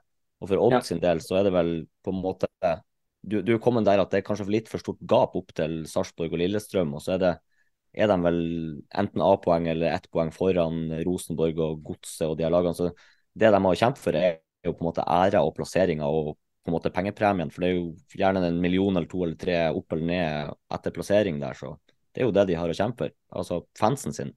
Ja, Odd og de, jo, de har jo hjemme nå da mot, mot Brann, som gikk på en smell nå sist. da, og Det er klart at eh, eh, det, er, det, er, jo alltid en, en, kamp som er mye folk. Eh, i Grenland. Eh, og jeg tror da at eh, Odd liksom eh, de, de, det, som de, de har sletta skuldrene, det er æren å, å, spille for. Og så jeg ser ikke bort at de kan fort vinne mot, mot Brann hjemme i neste serierunde. Det hadde faktisk vært typisk Brann å gå på den type bananskall. Det var jo samme Viking for jo til Skien og fikk jo 1-1 der. Så Odd er et sånt lag som de kan slå alle på en god dag, og så kan de tape. Mm. Altså, Odd, Odd er det laget som kunne tapt mot Ålesund nå, liksom. Ja, helt enig. Men uh, kan jeg bare spørre deg, da, fra, du har kanskje spilt noen ubetydelige siste kamper uh, i karrieren og sesongen òg. Uh, hvor vanskelig er det å motivere seg eventuelt for hvis du, du, du, kan ikke spille om nærmest plassering engang i siste, siste runden eller to, liksom. Hvordan, hvordan angriper man en sånn situasjon? Nei, når du ikke har noe egentlig å spille for, så, så går du ut på der. og det, kan jeg slå begge veier. Stort sett så slår jeg egentlig positivt, for da har du egentlig ikke noe å tape. Og da er du mye mer offensivt og, og vil liksom vise deg fram eh, på en annen måte. At du, du, er ikke hva skal jeg si, du er ikke anspent av det. Så det kan slå begge veiene, egentlig, det. Eh, men eh, jeg tror at uh, Odd nå de, eh, jeg ser, uh, ja, at Odd kan fort ta en del poeng på det slutten òg, så det har jeg trua på. Og så kan vi jo trekke frem en, en, kar som nettopp fylte 17 år, og som virkelig har mm. blomstra i Eliteserien i år, i han Faniel til Velde. Der har de stjerneskudd som jeg håper egentlig vi får se uh, virkelig slå seg ut og senke skuldrene og slå seg ut i full blomst de siste kampene. For det er en spennende spiller og virkelig et talent for fremtida. I, i vår program så fikk vi, også, fikk vi også tips om One to Watch, husker du det? Vi kontakta alle supportergruppene for å få en sånn inside. og Fanny Tevelde var One to Watch, og det har slått gjennom. Ja, jeg, skrev det i ei chatgruppe med noen Glimt-supportere før sesongen. Fanny Tevelde en spiller Glimt burde ha øynene på. Ja, Det er sånn det har blitt. Det er sånn det har blitt. Men eh, nå gidder jeg ikke å høre med på, på noe du skal bruke penger på, så hopper jeg videre. uh, men uh, Eh, noen eh, ja, Kan dere kalle det litt lignende type kamp, da. Eh, det er det jo. For eh, Sarpsborg tar imot eh, Stabæk. Eh, Sarpsborg har ikke like mye å spille for. Eh, trygt oppe, blir ikke medalje, blir ikke nedrykk. det er plasseringer. Stabæk har definitivt alt å spille om. Fått vind i seila og en liten Bob Bradley-effekt. det ender 2-2. Sarp opp i ledelsen to ganger, men Stabæk kommer tilbake like mange ganger. Og eh, ja, med unntak av en, eh, kan du si, eh, en gedigen keepertabbe som aldri ble tellende, så, så, er det jo kanskje en, først og fremst en mental liten seier for Stabæk der, å vise at det er vanskelig å slå om dagen. Men Stabæk da, Idar, det er et lag som de der nede bør frykte nå, eller? Jo, det, det er det jo. Men Stabæk de har jo nå neste, det er vel det, det Bodø-Glimt, ikke? Jo da, kommer ned til Nadderud på søndag, ja. så det blir Ja, og, og, der er det sånn eh, det er Beklager til, til Stabæk, men der Bodø-Glimt kommer til å, å, å, vinne den kampen. Det er, det er jeg nesten 100% sikker på. Også. Og det er pga. at Bodø-Glimt er Norges beste lag. De spiller en fantastisk fotball og de greier å omstille fra hjemmebane til bortebane. Det er ikke noe problem. Så, så at Ehm, så at eh, hvis du ser eh, i forhold til eh, tabellen og det, så får ikke Stabæk noe poeng, tror jeg, i neste runde. Det, men det, det fine når du går inn på sesongavslutninga til Stabæk, er jo det at de møter jo da lag Unntatt Glimt-kampene, så møter jo de lag rundt seg på tabellen inn mot slutten. her nå. De har vel både Vålerenga, Sandefjord og Haugesund igjen, de tre siste. Så på veldig mange måter alltid sine egne hender, da. Mm. Men uh, for, uh, for Stabæk sin del uh, så er det jo en, det er en helt annen giv. Jeg vet ikke om de, jeg vet ikke om de budsjetterer med tre poeng mot uh, Bodø-Glimt, men uh, må være kanskje være lov å si at det laget som vi ser nå, kanskje går ut på Nadderud med litt større tro på å skape kvalm på Bodø-Glimt enn hvis du går liksom fem-seks runder tilbake hvor det så bekmørkt ut, eller? De er jo ubeseira de fire siste. De har jo seira mot uh, HamKam og Lillestrøm og sterke uavgjortresultat mot Rosenborg og Sarpsborg nå. Altså Sarpsborg er et ekkelt lag å møte, og spesielt i Sarpsborg. Så en, en uavgjort og ett poeng der er jo sterkt. Mm. Mm. Og så tenker jeg sånn hvis ettersom uh, jeg har en uh, jeg snakker om både Vålerenga og Stabæk her, da, så har vi jo nå uh, Nå tror jeg at OK, de får ikke med seg noen poeng i neste kamp. Og så har vi vel den tolvte ikke da, eh, Vålerenga spiller mot uh, Stabæk igjen. Og da er det, og, og nå ligger jo per dags dato Så nå har jo Vålerenga en, en, mulighet til å gå forbi Stabæk. da. Uh, Jeg tror ikke de får noe poeng neste. Og så skal de igjen møte på hjemmebane Vålerenga-Stabæk. Og, og, og da, da, tror jeg at, at Stabæk kommer til å, bli bak Vålerenga, i hvert fall. Hvis vi ser på de de kan jeg si, derby eller i forhold til tabellsituasjonen på de to lagene. Det er jo uh, litt samme situasjon med Sarp uh, og Eller Serp uh, og Odd, som at det er litt lite å spille for annet enn heder, ære og millioner for plasseringer osv. Men hva, hva tenker, vi, tenker, vi, sånn kort om de før vi hopper videre, om deres fire siste og hva de bør sikte seg inn på? Hvem snakker du om nå? Sarpsborg. Sarpsborg, ja. Ja, jeg tenker som, som Sarpsborg, det, det, er liksom sånn eh, Vi får til tabellsituasjonen eh, dem, og de har jo, de har jo jeg, på, på, høsten så bruker de jo å spille god, god, fotball. Så der har jeg litt trua på at Sarpsborg eh, kommer til å hamle med seg en del poeng nå på slutten, helt klart. Så de har ikke så mye, mye å spille for de, de har jo ikke det.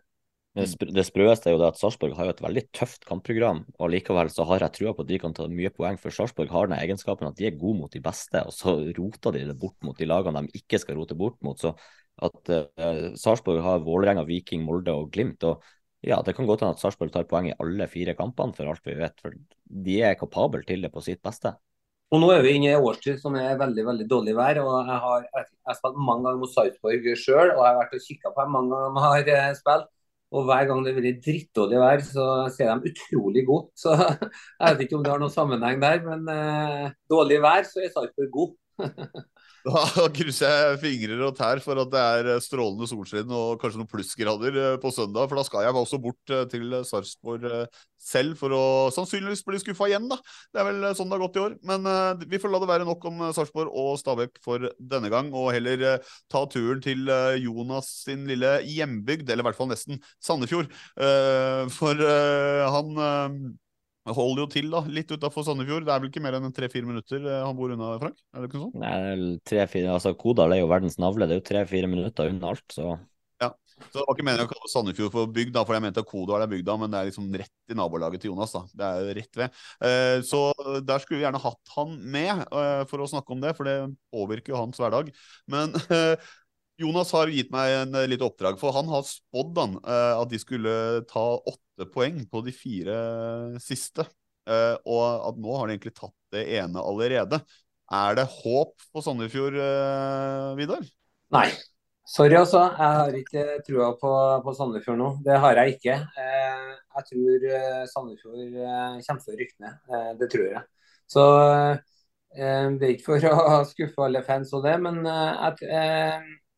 eh, Nei, jeg, jeg, jeg, har de lagene som ligger rundt nå, som du ser både eh, Vålerenga, Stabæk og HamKam og, og Haugesund, som jeg ser til her. Hvis vi tar de, så er, så er de de er per dags dato kvasser, vil jeg si, inn, inn Sandefjord.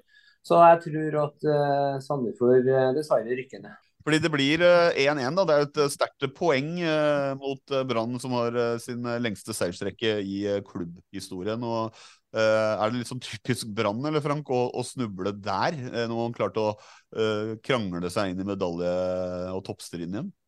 altså når du, De har vunnet åtte på rad og har klart å bare raske med seg den niende, så er det jo typisk at det er på en sånn type kamp at seiersrekk blir brutt. da. Og så mm. Nå, snakker vi nettopp om vær, og dæven døtte. Det blåste og regna sidelengs i Sandefjord eh, på søndag. Så eh, hvem det var sin fordel, det vet Det ble jo egentlig en ganske sånn møkkakamp pga. grunn av det. da. Så Eh, den eksploderte egentlig de ti siste minuttene av kampen, når, når Brann får ei skåring. Og så eh, Sandefjord utligna på et langt innkast av alle ting. Og så eh, ja, altså de her sjansene Brann har på slutten til å ta med seg alle tre, de er helt vanvittige. Så eh, kudos til oppofrende forsvarsspill og en keeper som gjør noen matchvinnerredninger på slutten der. Men det, det, er liksom det jeg sitter igjen med fra denne kampen der. og Eh, men Brann er fortsatt eh, favoritter for meg for eh, sølvet, selv om at Tromsø har klatra forbi dem nå.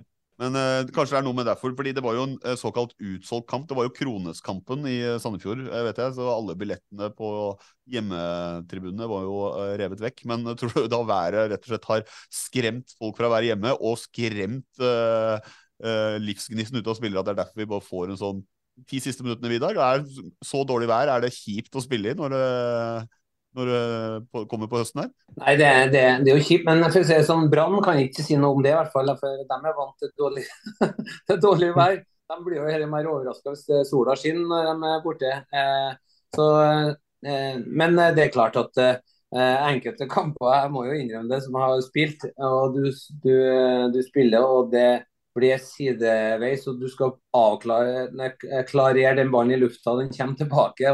Det er jo en del sånne kamper, spesielt nå på høsten, da, som, eh, som er tøft. Men, eh, men eh, hva skal jeg si, spillerne er vant til det. For alle spillere er vant til å, å spille i dårlig vær òg. Og, og, da er det om selvsagt psykisk hvem som takler det, det best. Jeg hadde en kollega som spilte i Vålerenga. Var oppe i, i Kjetil Rekdal, var treneren hans. Han het Hai Noktran, og han var i, spilte borte mot Sogndal. Og Det gikk, så dårlig, det gikk dårlig borte mot Sogndal. og Så uh, roper Hai Noktran til Kjetil uh, Kjetil, Kjetil, jeg må bytte. Og da var det liksom uh, dårlig. Alt, alt, gikk imot en Kjetil. Og så, og så spør han Kjetil hæ, hva, hva, er det? Hva er det? Jeg fryser, sa han. altså, og da og traff ikke Kjetil på sin blideste dag akkurat da. Så det var Nei, det er mye, det er mye morsomme kommentarer ut der òg. Men eh, var kanskje ikke den største fotballkampen. 1-1. Uh, Sandefjord får et uh, viktig poeng og stopper Branns seiersrekke. Brann er fortsatt eh, for fullt med da, i medaljekampen, og vi kan egentlig la det være med det. For når vi får uh, intel fra f.eks. våre brannvenner, så var det ikke så veldig avsløre, var ikke så veldig mange brann som kanskje det var å krangle inn på rundens lag, som vi snart skal komme til. Men vi har to kamper igjen, og jeg mistenker at det fort kan bli litt fyldig referat her. for det var den kampen som gjorde at du, øh, du ikke var ved dine fulle fem, kan vi si det sånn, Frank, øh, i går. Øh, Glimt tok imot Lillestrøm hjemme på Aspmyra, og du har referat derfra. Ja, mine fulle fem. Jeg var nå kapabel til å skulle podde i går. og Jonas har en tendens til å overdrive når han snakker, men, men ja. Det ble jo Jeg, jeg ville jo vært hes i stemmen da, det må jeg være ærlig å si. Men ja, oppskriftsmessig seier for Glimt, kan man vel egentlig si. Uh, heldig å skåre. Brede Moe skåra vel med rumpa eller ræva av ryggen, eller hva det er han Patrick Berg treffer. og så jeg føler liksom begge omgangene så er det Glimt som går ut og styrer, og så får Lillestrøm spist seg litt mer inn i kampen igjen da. og heldigvis for Glimt sin del så skåra ikke Lillestrøm før pause, men de skåra jo etter at Glimt skåra 2-0. og Så klarer jo Glimt å ta brodden av det med 3-1, og det er jo egentlig ja, Om det var 2-0 eller 3-1-målet, det husker jeg ikke akkurat nå, men det er jo kanskje den store snakkisen er jo den feiringa til Pellegrino. så Det er vel 2-0. Men, Eh, Så så Ja, jeg, jeg har sett noe, da, hvis jeg kan avsløre det. Det var vel 2-0, tror jeg. Men eh, fullt fortjent seier, i det minste. Og eh, ja, Bakke, Bakke etter kampen han sutra vel på det at fjerdedommer snakka nordnorsk, så det er det, han, det er det han tar med seg. Ja, men FSK er jo litt i samme situasjon som eh, mange andre lag. Jeg tror kanskje de eh, mange supportere forventa egentlig bare å få seg en test og se hva man var gode for. Eh, Hva vil du si de var gode for, Vidar, mot Glimt? Nei, det, det, det er klart at um, i, igjen så, så skjer det jo det som jeg har sagt hele tida. Det, det er jo forskjell ikke sant, å, å vippe det i sin retning, sånn som Bodø-Glimt gjør gang på gang på gang. Og, og jeg, kjenner meg igjen i det storhetstida som var i Rosenborg. Du, du var der, men du gir deg ikke. Du, du står på i det til eh, dommeren bles på slutten og bare maler og maler og maler på. Og til slutt så, så får de jo eh, lønn for strevet, og det så vi jo her òg. Det er klart, eh, Lillestrøm de prøvde alltid, men det er klart at uh, Bodø-Glimt de er en det er en egen eh, klasse. De har en ekstra knepp på det som de kan eh, ta fram. Og de spiller helt fantastisk nydelig fotball. Eh, det er sånn at Jeg, bare- jeg syns det er så gøy å se på, se på Bodø-Glimt. For eh, den fotballen de eh, spiller det var sånn Før i, i tida, så må jeg jo si det. Da var liksom Bodø-Glimt, eh, lilleklubben, hadde et samarbeid Det var samarbeidsklubben til Rosenborg. At, eh, og Da for både Berg til Rosenborg og Berg tilbake og Berg til Rosenborg. og Det var så mye Berg som for att og fram. Eh, men det var en veldig god Harald Martin Brattbakk for begge veiene. Erik Hoftun for begge veiene. Så det var på en vis kalle litt sånn farmerklubb og til godt samarbeid. Og, men Bodø-Glimt skulle aldri være oppe i, i toppen eh, da, og det var ingen som trodde heller. Eh, men den jobben og det de har gjort, de har tatt over rett og slett det storhetstida det som eh, fra Rosenborg. Og de spiller en fotball som eh, ja, eh, ingen andre er i nærheten av, mener jeg. Og eh, Selv om det har gått litt opp og ned som i år òg, men så kommer de bare. De bare maler på. Og Det er helt klart eh, det beste laget, og de kommer til å ta eh, selvsagt eh, gull i, i år òg. Jeg, la jo ut en tweet for litt siden, Frank, du så kanskje den, at Bodø-Glimt er i ferd med å gi en eh, så, aldri så liten eh, fuck you til eh, det, det kjente frasen at eh, angrep vinner kamper, mens forsvar vinner titler. Fordi Hvis vi ser på statistikken, så er det må vi faktisk, jeg ikke i huet, men det var 11 eller 12 sesonger tilbake før en seriemester hadde sluppet inn flere mål etter 30 kamper enn det Bodø-Glimt allerede har gjort. Eh, Men det som er positivt, eh, er jo at de skårer mye, og de skårer eh, mer enn motstanderne i enkeltkamper. De har jo fått mye kritikk for, for det blant egne supportere også, at det, det lekker litt for mye bakover. Men da er det også på sin plass da, å skryte av dette offensive godstoget, når de per nå Uh, har skåra 69 mål i ligaen og er i ferd med å si at man trenger ikke å slippe inn minst, du kan bare skåre mest og, og vinne ligaen med det.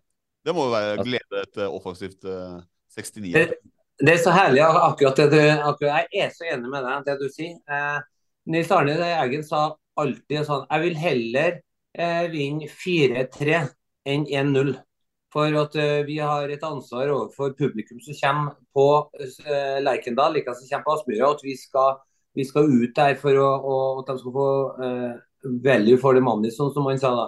Og det, det, det er, Du må angripe, og, og jeg er helt enig. Jeg, det er skikkelig gøy å se på. Ja, og vi, vi, vi har jo vært innom, eh, innom det her noen ganger at eh, Glimt er Norges definitivt beste angrepslag, men de er langt ifra Norges beste forsvarslag. Men som han Vidar sier, heller 4-3 enn 1-0. og Glimt spilte jo også Europa i midtuka og slår eh, storklubben fra Istanbul, eh, Besjiktas 3-1. og Da var det jo egentlig ganske bra forsvarsspill frem til i overtida, da en liten sånn kommunikasjonssvikt mellom Brede Moe og Nikita Haikin gjør at han Brede stussa ballen i eget mål. så jeg hadde jo lyst til å gå inn i denne episoden her og kunne skryte litt av forsvarsspillet til Glimt òg, men ja, shit au. Men uh, vi, må, vi, må, også ta, snakke om uh, den store snakkisen. Vi trenger ikke å bruke for mye tid på det, men uh, på 2-0 så kastes det en colaflaske, ser det ut som, etter Amahl Pellegrino i feiringa. Han hysjer på Lillestrøm-tilreisende. Uh, og så tar han opp flaska, og det, i et lite sekund der så var jeg ganske sikker på han kommer, han kommer til å pælme tilbake. Han. Fordi, fordi i den der, den, der er det en som har, uh, i det sekundet man egentlig ville ha kasta, innser at nei, der ryker cupfinalen. Hvis jeg kaster den der, da, da er sesongen over. Det er uh, beherskelse. Men Frank, fikk du med deg situasjonen når du sto der? ja, altså, jeg ser jo Jeg ser ikke at det blir kasta noe, men jeg ser at han Pelle altså han ringer jo den naturlige løpsretninga hans er jo videre og så bare forbi bortesupporterne i et sekund eller to før han går og feirer foran uh, den uh, gammeltribunen på Aspmyra. Og, og, jeg ser ikke noe hysjing eller noe sånt, men man har jo sett det i ettertid at han hysja imot uh, bortesupporterne. Og klart at det provoserer jo, det skjønner jeg jo, men må jo ikke gå så langt at du kaster ting. Og så, det er jo gjentagende, det her. For nå har jo Glimt eh, Jeg tror i løpet av de fire siste kampene Glimt og Lillestrøm har møttes, så har Lillestrøm-supportere kasta gjenstander etter Glimt-spillere tre ganger. Jo, da begynner du å snakke om et problem. Og spesielt når de den gangen på Åråsen de begynte å kaste lommebøker med identifikasjon inni. Så, men det, det, det, skal også sies at han supporteren som kasta flaska, som man kan gi litt skryt av, han tok umiddelbart eh, Han skjønte det han har gjort. Han tok umiddelbart eh, telefon til han eh, hva det er, Kokkim han heter, han i Lillestrøm. Kikkim, nei, mm. ja, uansett. Og la seg flat og beklaga og sa at det her var skikkelig dumt av meg, og jeg skal ta de straffen og konsekvensen som blir å komme, da. Så han har i hvert fall på en måte, altså Det er jo hjerneblødning et sekund, og så må man i hvert fall hylle han for at han klarer å ta å være voksen i etterkant da, og på en måte legge seg flat i glansdagene, Vidar? Tror du du hadde klart å holde igjen, eh, eller hadde du kasta flaska? Eller hvordan hadde du reagert hvis noen kaster en eh, full colaflaske etter deg?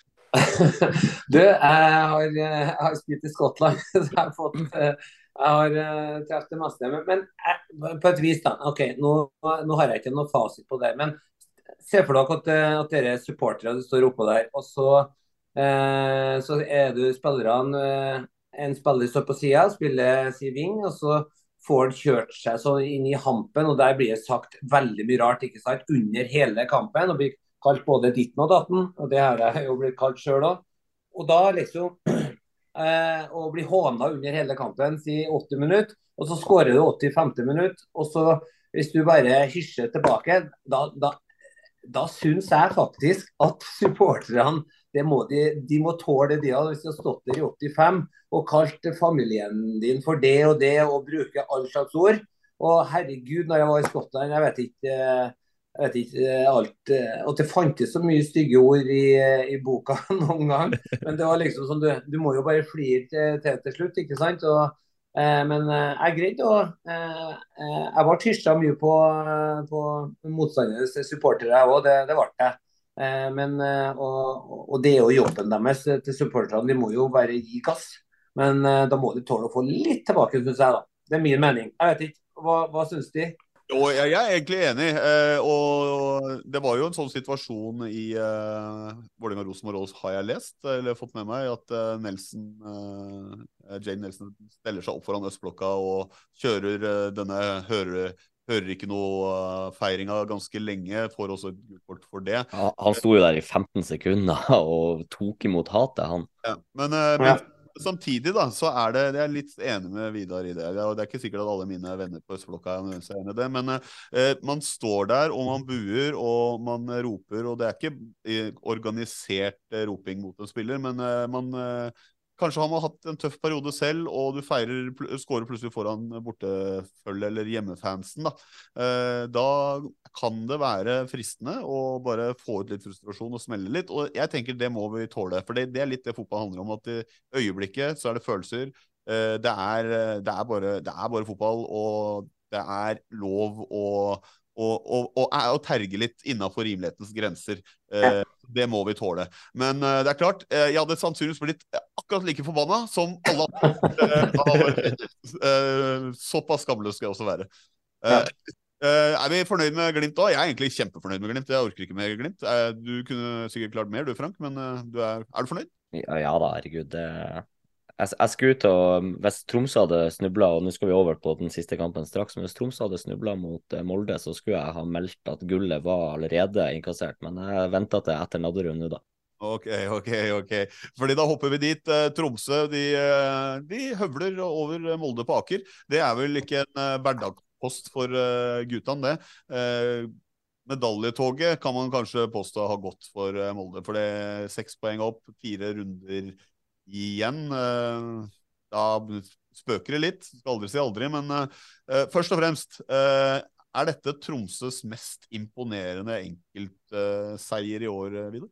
Eh, absolutt. Eh, Tromsø ligger nå på, på en sølvplass. Og, jeg, synes, jeg, jeg, må innrømme beklage at eh, når du er Vålerenga-fan, og jeg er jo Rosenborg-fan nå, så må jeg bare si det. Altså, jeg må ta meg av hatten eh, på at nå er vi i nord. og der har vi eh, Bodø-Glimt og Tromsø som herjer i, i toppen der. Jeg syns det er steinartig. Jeg syns det er skikkelig kult at Tromsø liksom bare biter ifra og, og kommer opp der og, og, og ligger nå på, eh, på sølvplass. Og Bodø-Glimt de visste jo kom til å, å vinne gull.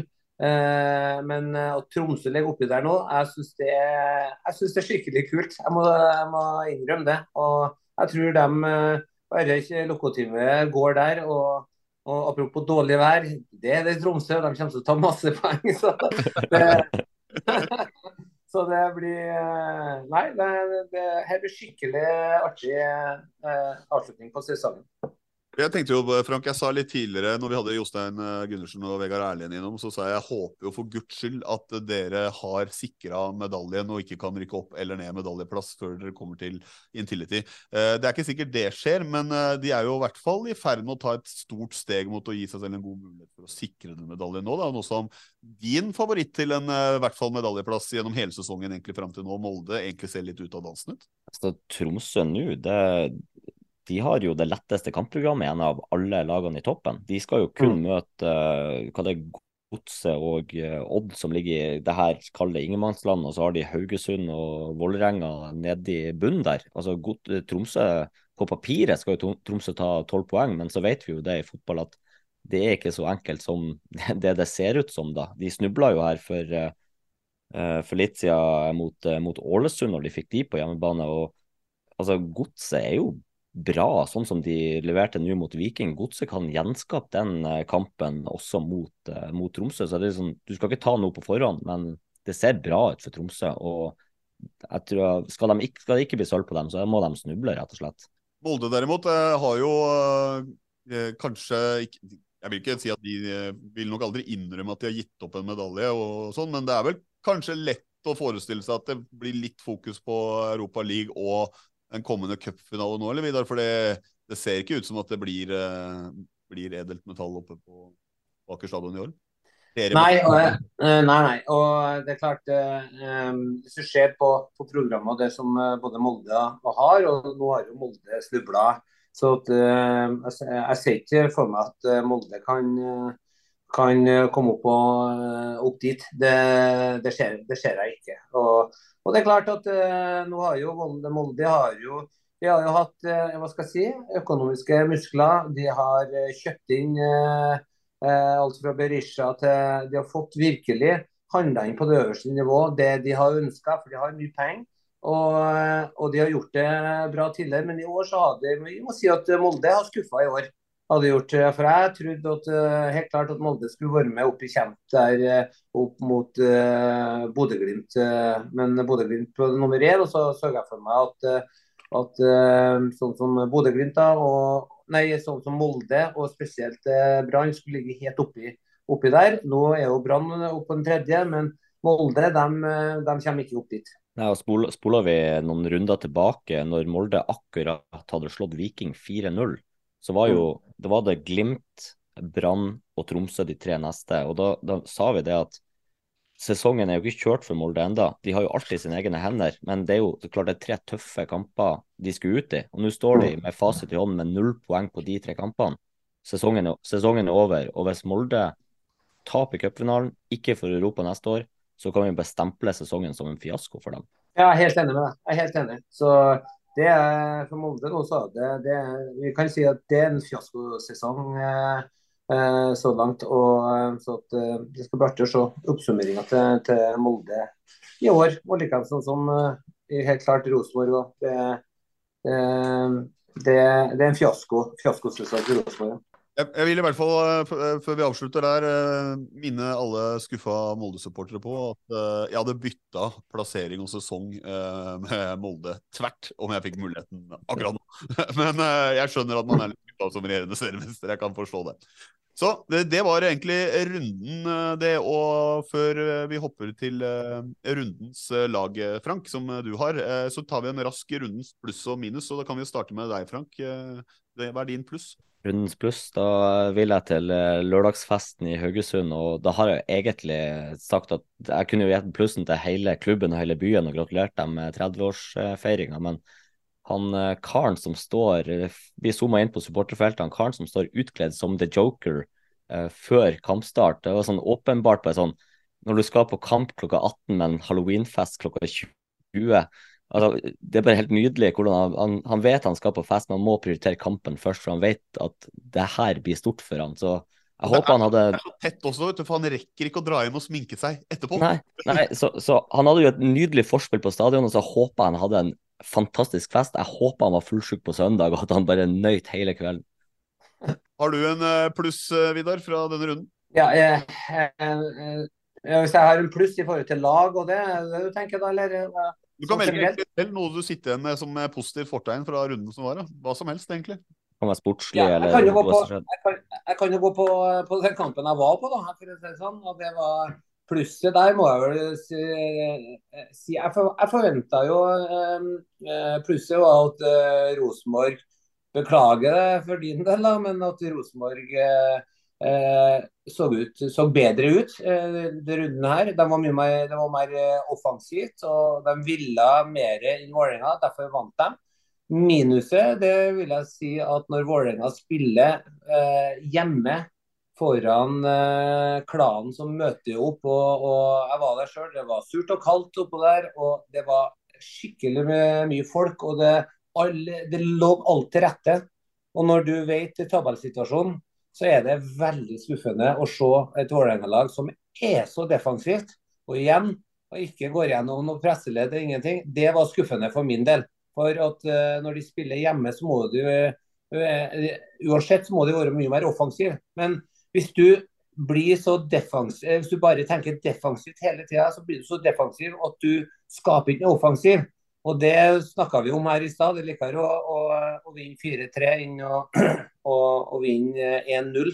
Og da må de i hvert fall gå framover og bare gønne på. For får de det første målet å gønne på, ja, så har de liksom eh, klanen og det som står bak, og bare eh, kjører på helt inn. Og mer offensivitet fra Vålerenga, så det, det, får vi håpe i, i framtida. Da blir det en slags pluss på Rosenborgs forbedringer og litt rammer og sånn, og minus for Vålerengas uh, mentalitet, uh, egentlig, i, i, når man får, kommer til et slags dekka bord og en gyllen mulighet, da, hvis jeg forstår deg rett? Ja, det, det, det, vil jeg si. Så både den tolvte mann og alle sammen rundt med, med klanen og det, de gjorde jobben ja, en fantastisk jobb. Og, men spillerne og trenerteamet gjorde ikke en god jobb. Frank, har du en minus, da? Ja, jeg vil egentlig kalle det et lite sånn hjertesukk for uh, det her med kasting. og Nå nevnte vi denne situasjonen på Aspmyra, men uh, Østblokka klan er om ikke, altså blant eller om ikke Norges desidert beste supporterfelt. Men det her med kasting Nå kasta de gjenstand etter han Tangvik i Rosenborg-målet. De kasta gjenstand etter han Haiken når Glimt var der. De kasta eh, gjenstand etter han Dyngeland og Brann var der. De kasta etter han Grytebuss. De har sikkert kasta etter flere keepere i år jeg er livredd for at hvis de fortsetter her, så kommer det til å bli reprimander. Kommer, til, I verste fall så kan de stenge hele jævla tribuner fordi at det skal ikke kastes gjenstand etter en keeper. Altså, han Tangvik får gult kort av dommer fordi at han går og fjerner en svær jævla metallskru eller hva det var som ble kasta ut etter han. Det er jo krise av dommer å ikke lese kampbildet og hva som skjer der. Og det å gi han keeperen gult kort for at det kastes gjenstander etter han. Så vær så snill og slutt med den kastinga. Hvis ikke, så ja, men I verste fall så blir østblokka stengt av, og så får de ikke stå der. Skal jeg ta en kjapp eh, pluss og minus? Jeg, kan ta, jeg tar en eh, pluss da, til alle, som, alle supportere som kaster ting. Det, er, det setter jeg pris på. Nei, jeg skal ikke det. Jeg skal gi en pluss faktisk til uh, Sandefjord. Nei, uh, nå begynner jeg å bli sliten. Haugesund. Fordi uh, etter at jeg meldte at jeg tror de blir å rykke ned enten direkte eller via kvalik, så har det rett og slett snudd. Eh, de har bevist eh, først og fremst overfor seg selv, men eh, også for meg og oss i podkasten, at det å legge hodet på blokka, det er bare gøy. Og det er morsomt når du tar feil, men det er klart det, Plusset går ikke til meg selv denne gangen, det går da rett og slett til, til Haugesund for det. Og da kan det bli minusen. Det blir meg selv. Fordi jeg jinxer da en av mine nedrykks... uh, ja, uh, rivaler, da. Eh, motsatt. til å, å, gjøre det bra igjen. og komme seg ut av sumpa. Og ha en mindre som jeg kan håpe på skal gjøre det dårlig de neste rundene. Så minus til meg selv for å jinxe an, anti-jinxe Haugesund ut av nedrykksstria. Så da trekker jeg tilbake påstanden min og går og legger meg på skammekroken. Eh, Frank, rundens lag, det trenger vi nå. Yes, rundens lag er Myra i mål. Eh, så har vi, vi kjører en 3-4-3. da. Det er Brisveen Mangomo, Valsvik og Nyenkuri i forsvar. Antonsen, Berg, Krygård og Jørgensen på midten. Eskesen, Nordås og Nelson på topp. Eh, Keto, El Haji Diouf, Terkelsen, Bakai, Andersen, Vinge og Søderlund på benken. Vi legger ut bilde på sosiale plattformer når det er klart. Og stjerne, da? Ja, da gir vi tre stjerner til Nye Kuri på Haugesund, to stjerner til Valsvik i Godset og ei stjerne til Eskesen på Haugesund. Det var, eh, det var nesten Stefan Strandberg. Det var nesten. den, den straffe, det var en straffe straffemiss stund, Eh, eller han kom til en 100% sjanse, som jeg liker å si. Eh, men Straffe, Straffespark er faktisk kun 0,80 på XG. Ja ja, men altså, det er jo en sjargong, da. Det er vel ingen eller 1,0 i XG, er det det? litt, litt skryt til Tangvik, da. To strafferedninger på to kamper. Ja. Eh, så det, det, er bra lag, bra lag. Eh, du og Jonas fikk æren av å sette opp det. Eh, og da tenker jeg at vi bare runder av med noen kjappe lytterspørsmål før vi takker for eh, laget for i dag. Du har, eh, du har noen? Jeg måtte notere ned noen uh, kjappe her. Uh, vi, I og med at han Vidar jobba i Rema, så kom det jo selvfølgelig noen spørsmål i retning konkurrenter her. JF von Sødegren spør hva var det siste han handla på Ekstra? Hva sa du? Hva var, hva det, siste, hva var det siste du handla på en ekstrabutikk? På, på en ekstrabutikk? jeg, handler, jeg handler bare på Rema 1000, så at, jeg, jeg, vet ikke hvordan en ekstrabutikk ser ut heller. For det er sånn at uh, Jeg er en kremmer, og jeg, jeg, vil ha mye igjen for pengene. Derfor går jeg til Rema. Uh, Joggeren 77 spør videre hva er det fineste du kan si om Kiwi? Og så gir han deg et dilemma. Spille for Molde eller jobbe for Kiwi? Uh, spille for Molde eller jobbe, jobbe for Kiwi? Nei, det, for det første så har jeg, har jeg aldri kommet til å jobbe for Kiwi. Det, det går grensa, for å si rett ut. Eh, Molde hadde muligheten til å gå til for å skulle ta over etter Ole Gunnar Solskjær den gangen han gikk til United. Eh, men eh, det takka jeg nei til. Så det ble nei-nei på meg der. Uh, Jørn Hen Henland Skøyen spør uh, hvorfor du valgte du drakt nummer ti i Rosenborg? Uh, du, jeg hadde, når jeg spør, trolig nok det, de fleste klubbene jeg har spilt i. Eh, og Sist jeg var i Rosenborg, så gikk Gøran Sørloth. Han ble jo skada. Fikk jeg nummer ti i Rosenborg da jeg var i sist. Og når jeg kom tilbake, så var det to nummer ledig. Det var nummer fire og det var nummer ti. Og da var det eh, da var det en eh, Fredrik Vinsnes. Vi kom hjem samtidig. Han kom fra Hamarby. Og så var det to drakter igjen. Så sa Fredrik at eh, han ville ha nummer fire. Da var det tieren igjen, og da tok jeg tieren. Så jeg hadde ikke mye valg der. Uh, Jørn Brunstrøm spør uh, like, like en sjargong hvorfor du tok drakt nummer ni i Lillestrøm? Eh, ja, eh, når jeg kom dit, så var det bare så Jeg spurte ikke om noe drakt om meg, jeg ble tildelt helt. Eh, så, så det var Ja, jeg tenkte ikke så mye over det. Eh, jeg ble bare tildelt nummer ni, og da, da så jeg at det sto ni på ryggen når jeg fikk drakta. Så det var bare derfor. Norske podcaster spør oss på Instagram eh, hva var størst, 3-2-skåringa på overtid mot Vålerenga i 2006 eller målet mot Valencia i 2007? Eh, hva skal vi si, det var jo gjennom en hel sesong da, eh, ikke sant, eh, med eh, Vålerenga. Når vi Da var jo Vålerenga og Rosenborg veldig gode det året der, og det, det skilte jo det, det, var jo siste kamp, da det ble avgjort alt i hop. Så det var vel det, det største, eh, største, der, eh, må jeg si. Derfor det gjennom en hel sesong. Valencia var én kamp. Så jeg vil si ja, Rosenborg, da. Eirik Kind spør oss kunne du gjort en jobb i Rosenborgs forsvar i dag? Eh, nei, det gjør jeg ikke. Eh, kunne jeg gitt noen gode råd fra sida, det, det har jeg nok gjort. Men ute på banen, så da tror jeg Da hadde det blitt i hvert fall en nedrykk i, i, Trondheim hvis jeg skulle spilt her nå. Men, men en Vidar Riseth i sin prime, han hadde gått rett inn i den uh, stoppersituasjonen der? Ja, har jeg vært, tidligere, så har jeg spilt, uh, da har jeg spilt fast der. Det kan jeg vel, såpass kan jeg vel si. Siste, siste, spørsmålet da er fra Eivind. Han skriver gi oss Rosenborg-supportere dine fem grunner til at Rosenborg i løpet av tre år skal kunne bli et topplag igjen, som enten vinner serie eller når europeisk gruppespill? Eh, for det første så må du få kontinuitet på trenersida. Det er nummer én. Eh, det går ikke an å holde på å bytte trenere hvert bidige år. Det, det, går det ikke. Eh, nummer to så må vi se på Eh, på de eh, som henter spillere. Eh, jeg er litt kritisk til det. og det gjelder, det gjelder både trenerteamet, det gjelder som er der, du har et styre, og ikke minst sportslig med Mikke Dorsin.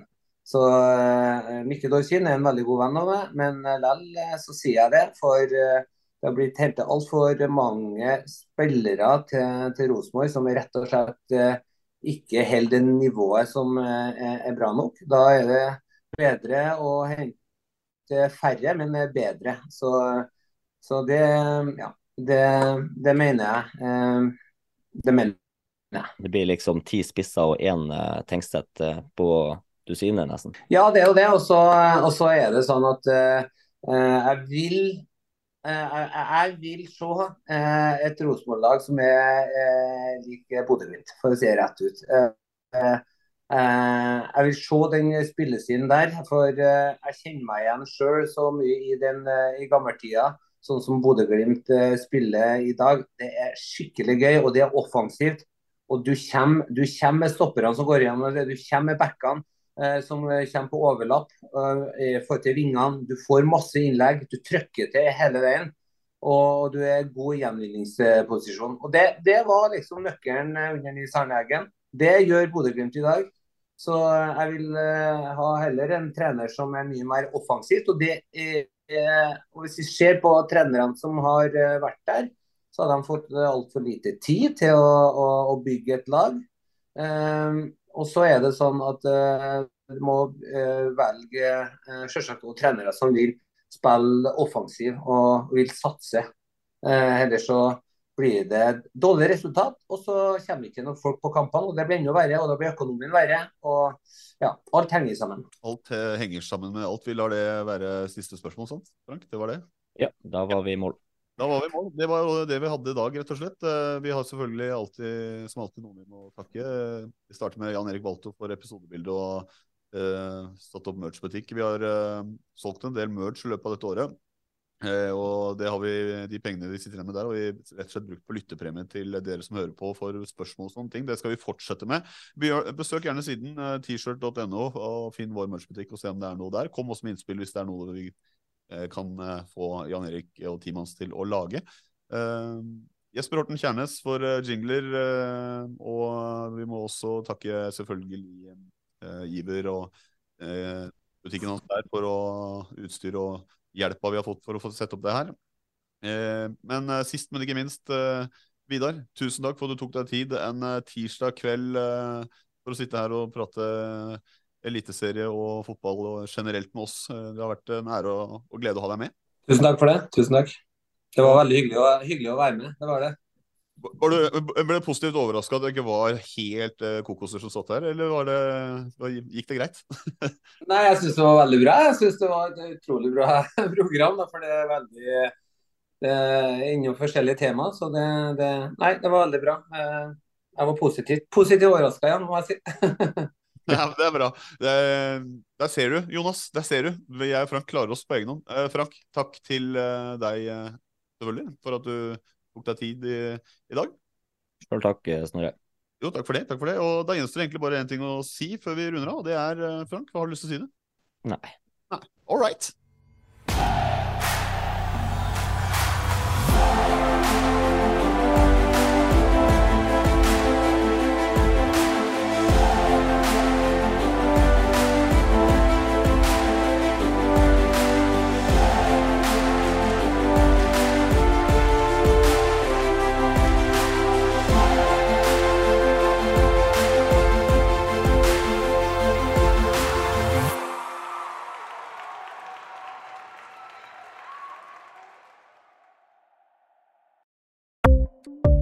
Ukens annonsør er HelloFresh.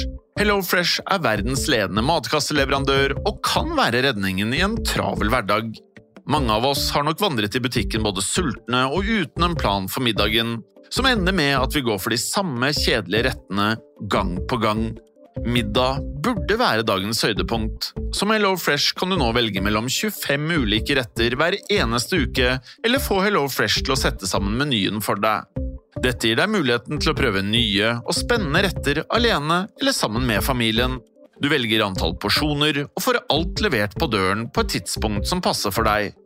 Oppskriftene er enkle, og maten er lett å lage både for store og for små. Ved å få alt levert hjem får du også mer tid til å dele matgleden med familie og venner. Kanskje det frister med asiatiske tacos eller greskinspirert kylling? Da kan jeg anbefale deg om å gå inn på hellofresh.no. Her kan du bruke koden FOTBALL og få opptil 1779 kroner i rabatt på de første fem matkastene hvis du ikke har prøvd Hello Fresh tidligere. Du kan også bruke rabatten hvis du har vært kunde og stoppet abonnementet ditt for tolv måneder siden eller lengre. Gå inn på hellofresh.no og bruk koden FOTBALL. Ukens annonsør er Folio, en smartere banktjeneste for deg som har en egen bedrift eller ønsker å starte for deg selv. Folio er en superenkel nettbank for bedrifter. Som kunde i Folio får du en bedriftskonto med et bedriftskort og app. I denne appen er det smarte løsninger som forenkler regnskapet ditt, uansett om du har en liten bedrift eller et enkeltpersonsforetak. Folio er både intuitivt og brukervennlig, og er laget med et enkelt språk. I tillegg tilbyr de forutsigbare priser og ingen skjulte gebyrer. Skulle du likevel trenge det, så kan du snakke med deres raske og hyggelige kundeservice, og der får du prate med en faktisk person og ikke en chatbot. Folio er med andre ord både enklere og koseligere enn banken. Over 10 000 bedrifter har allerede valgt Folio som sin banktjeneste, så besøk folio.no og se hvordan Folio kan forenkle din hverdag også. Har du et enkeltpersonforetak eller en liten bedrift? Da er du sikkert lei av å høre meg snakke om hvor enkelt det er med kvitteringer og bilag i fiken, så vi eh, gir oss her, vi. Fordi vi liker enkelt. Fiken superenkelt regnskap.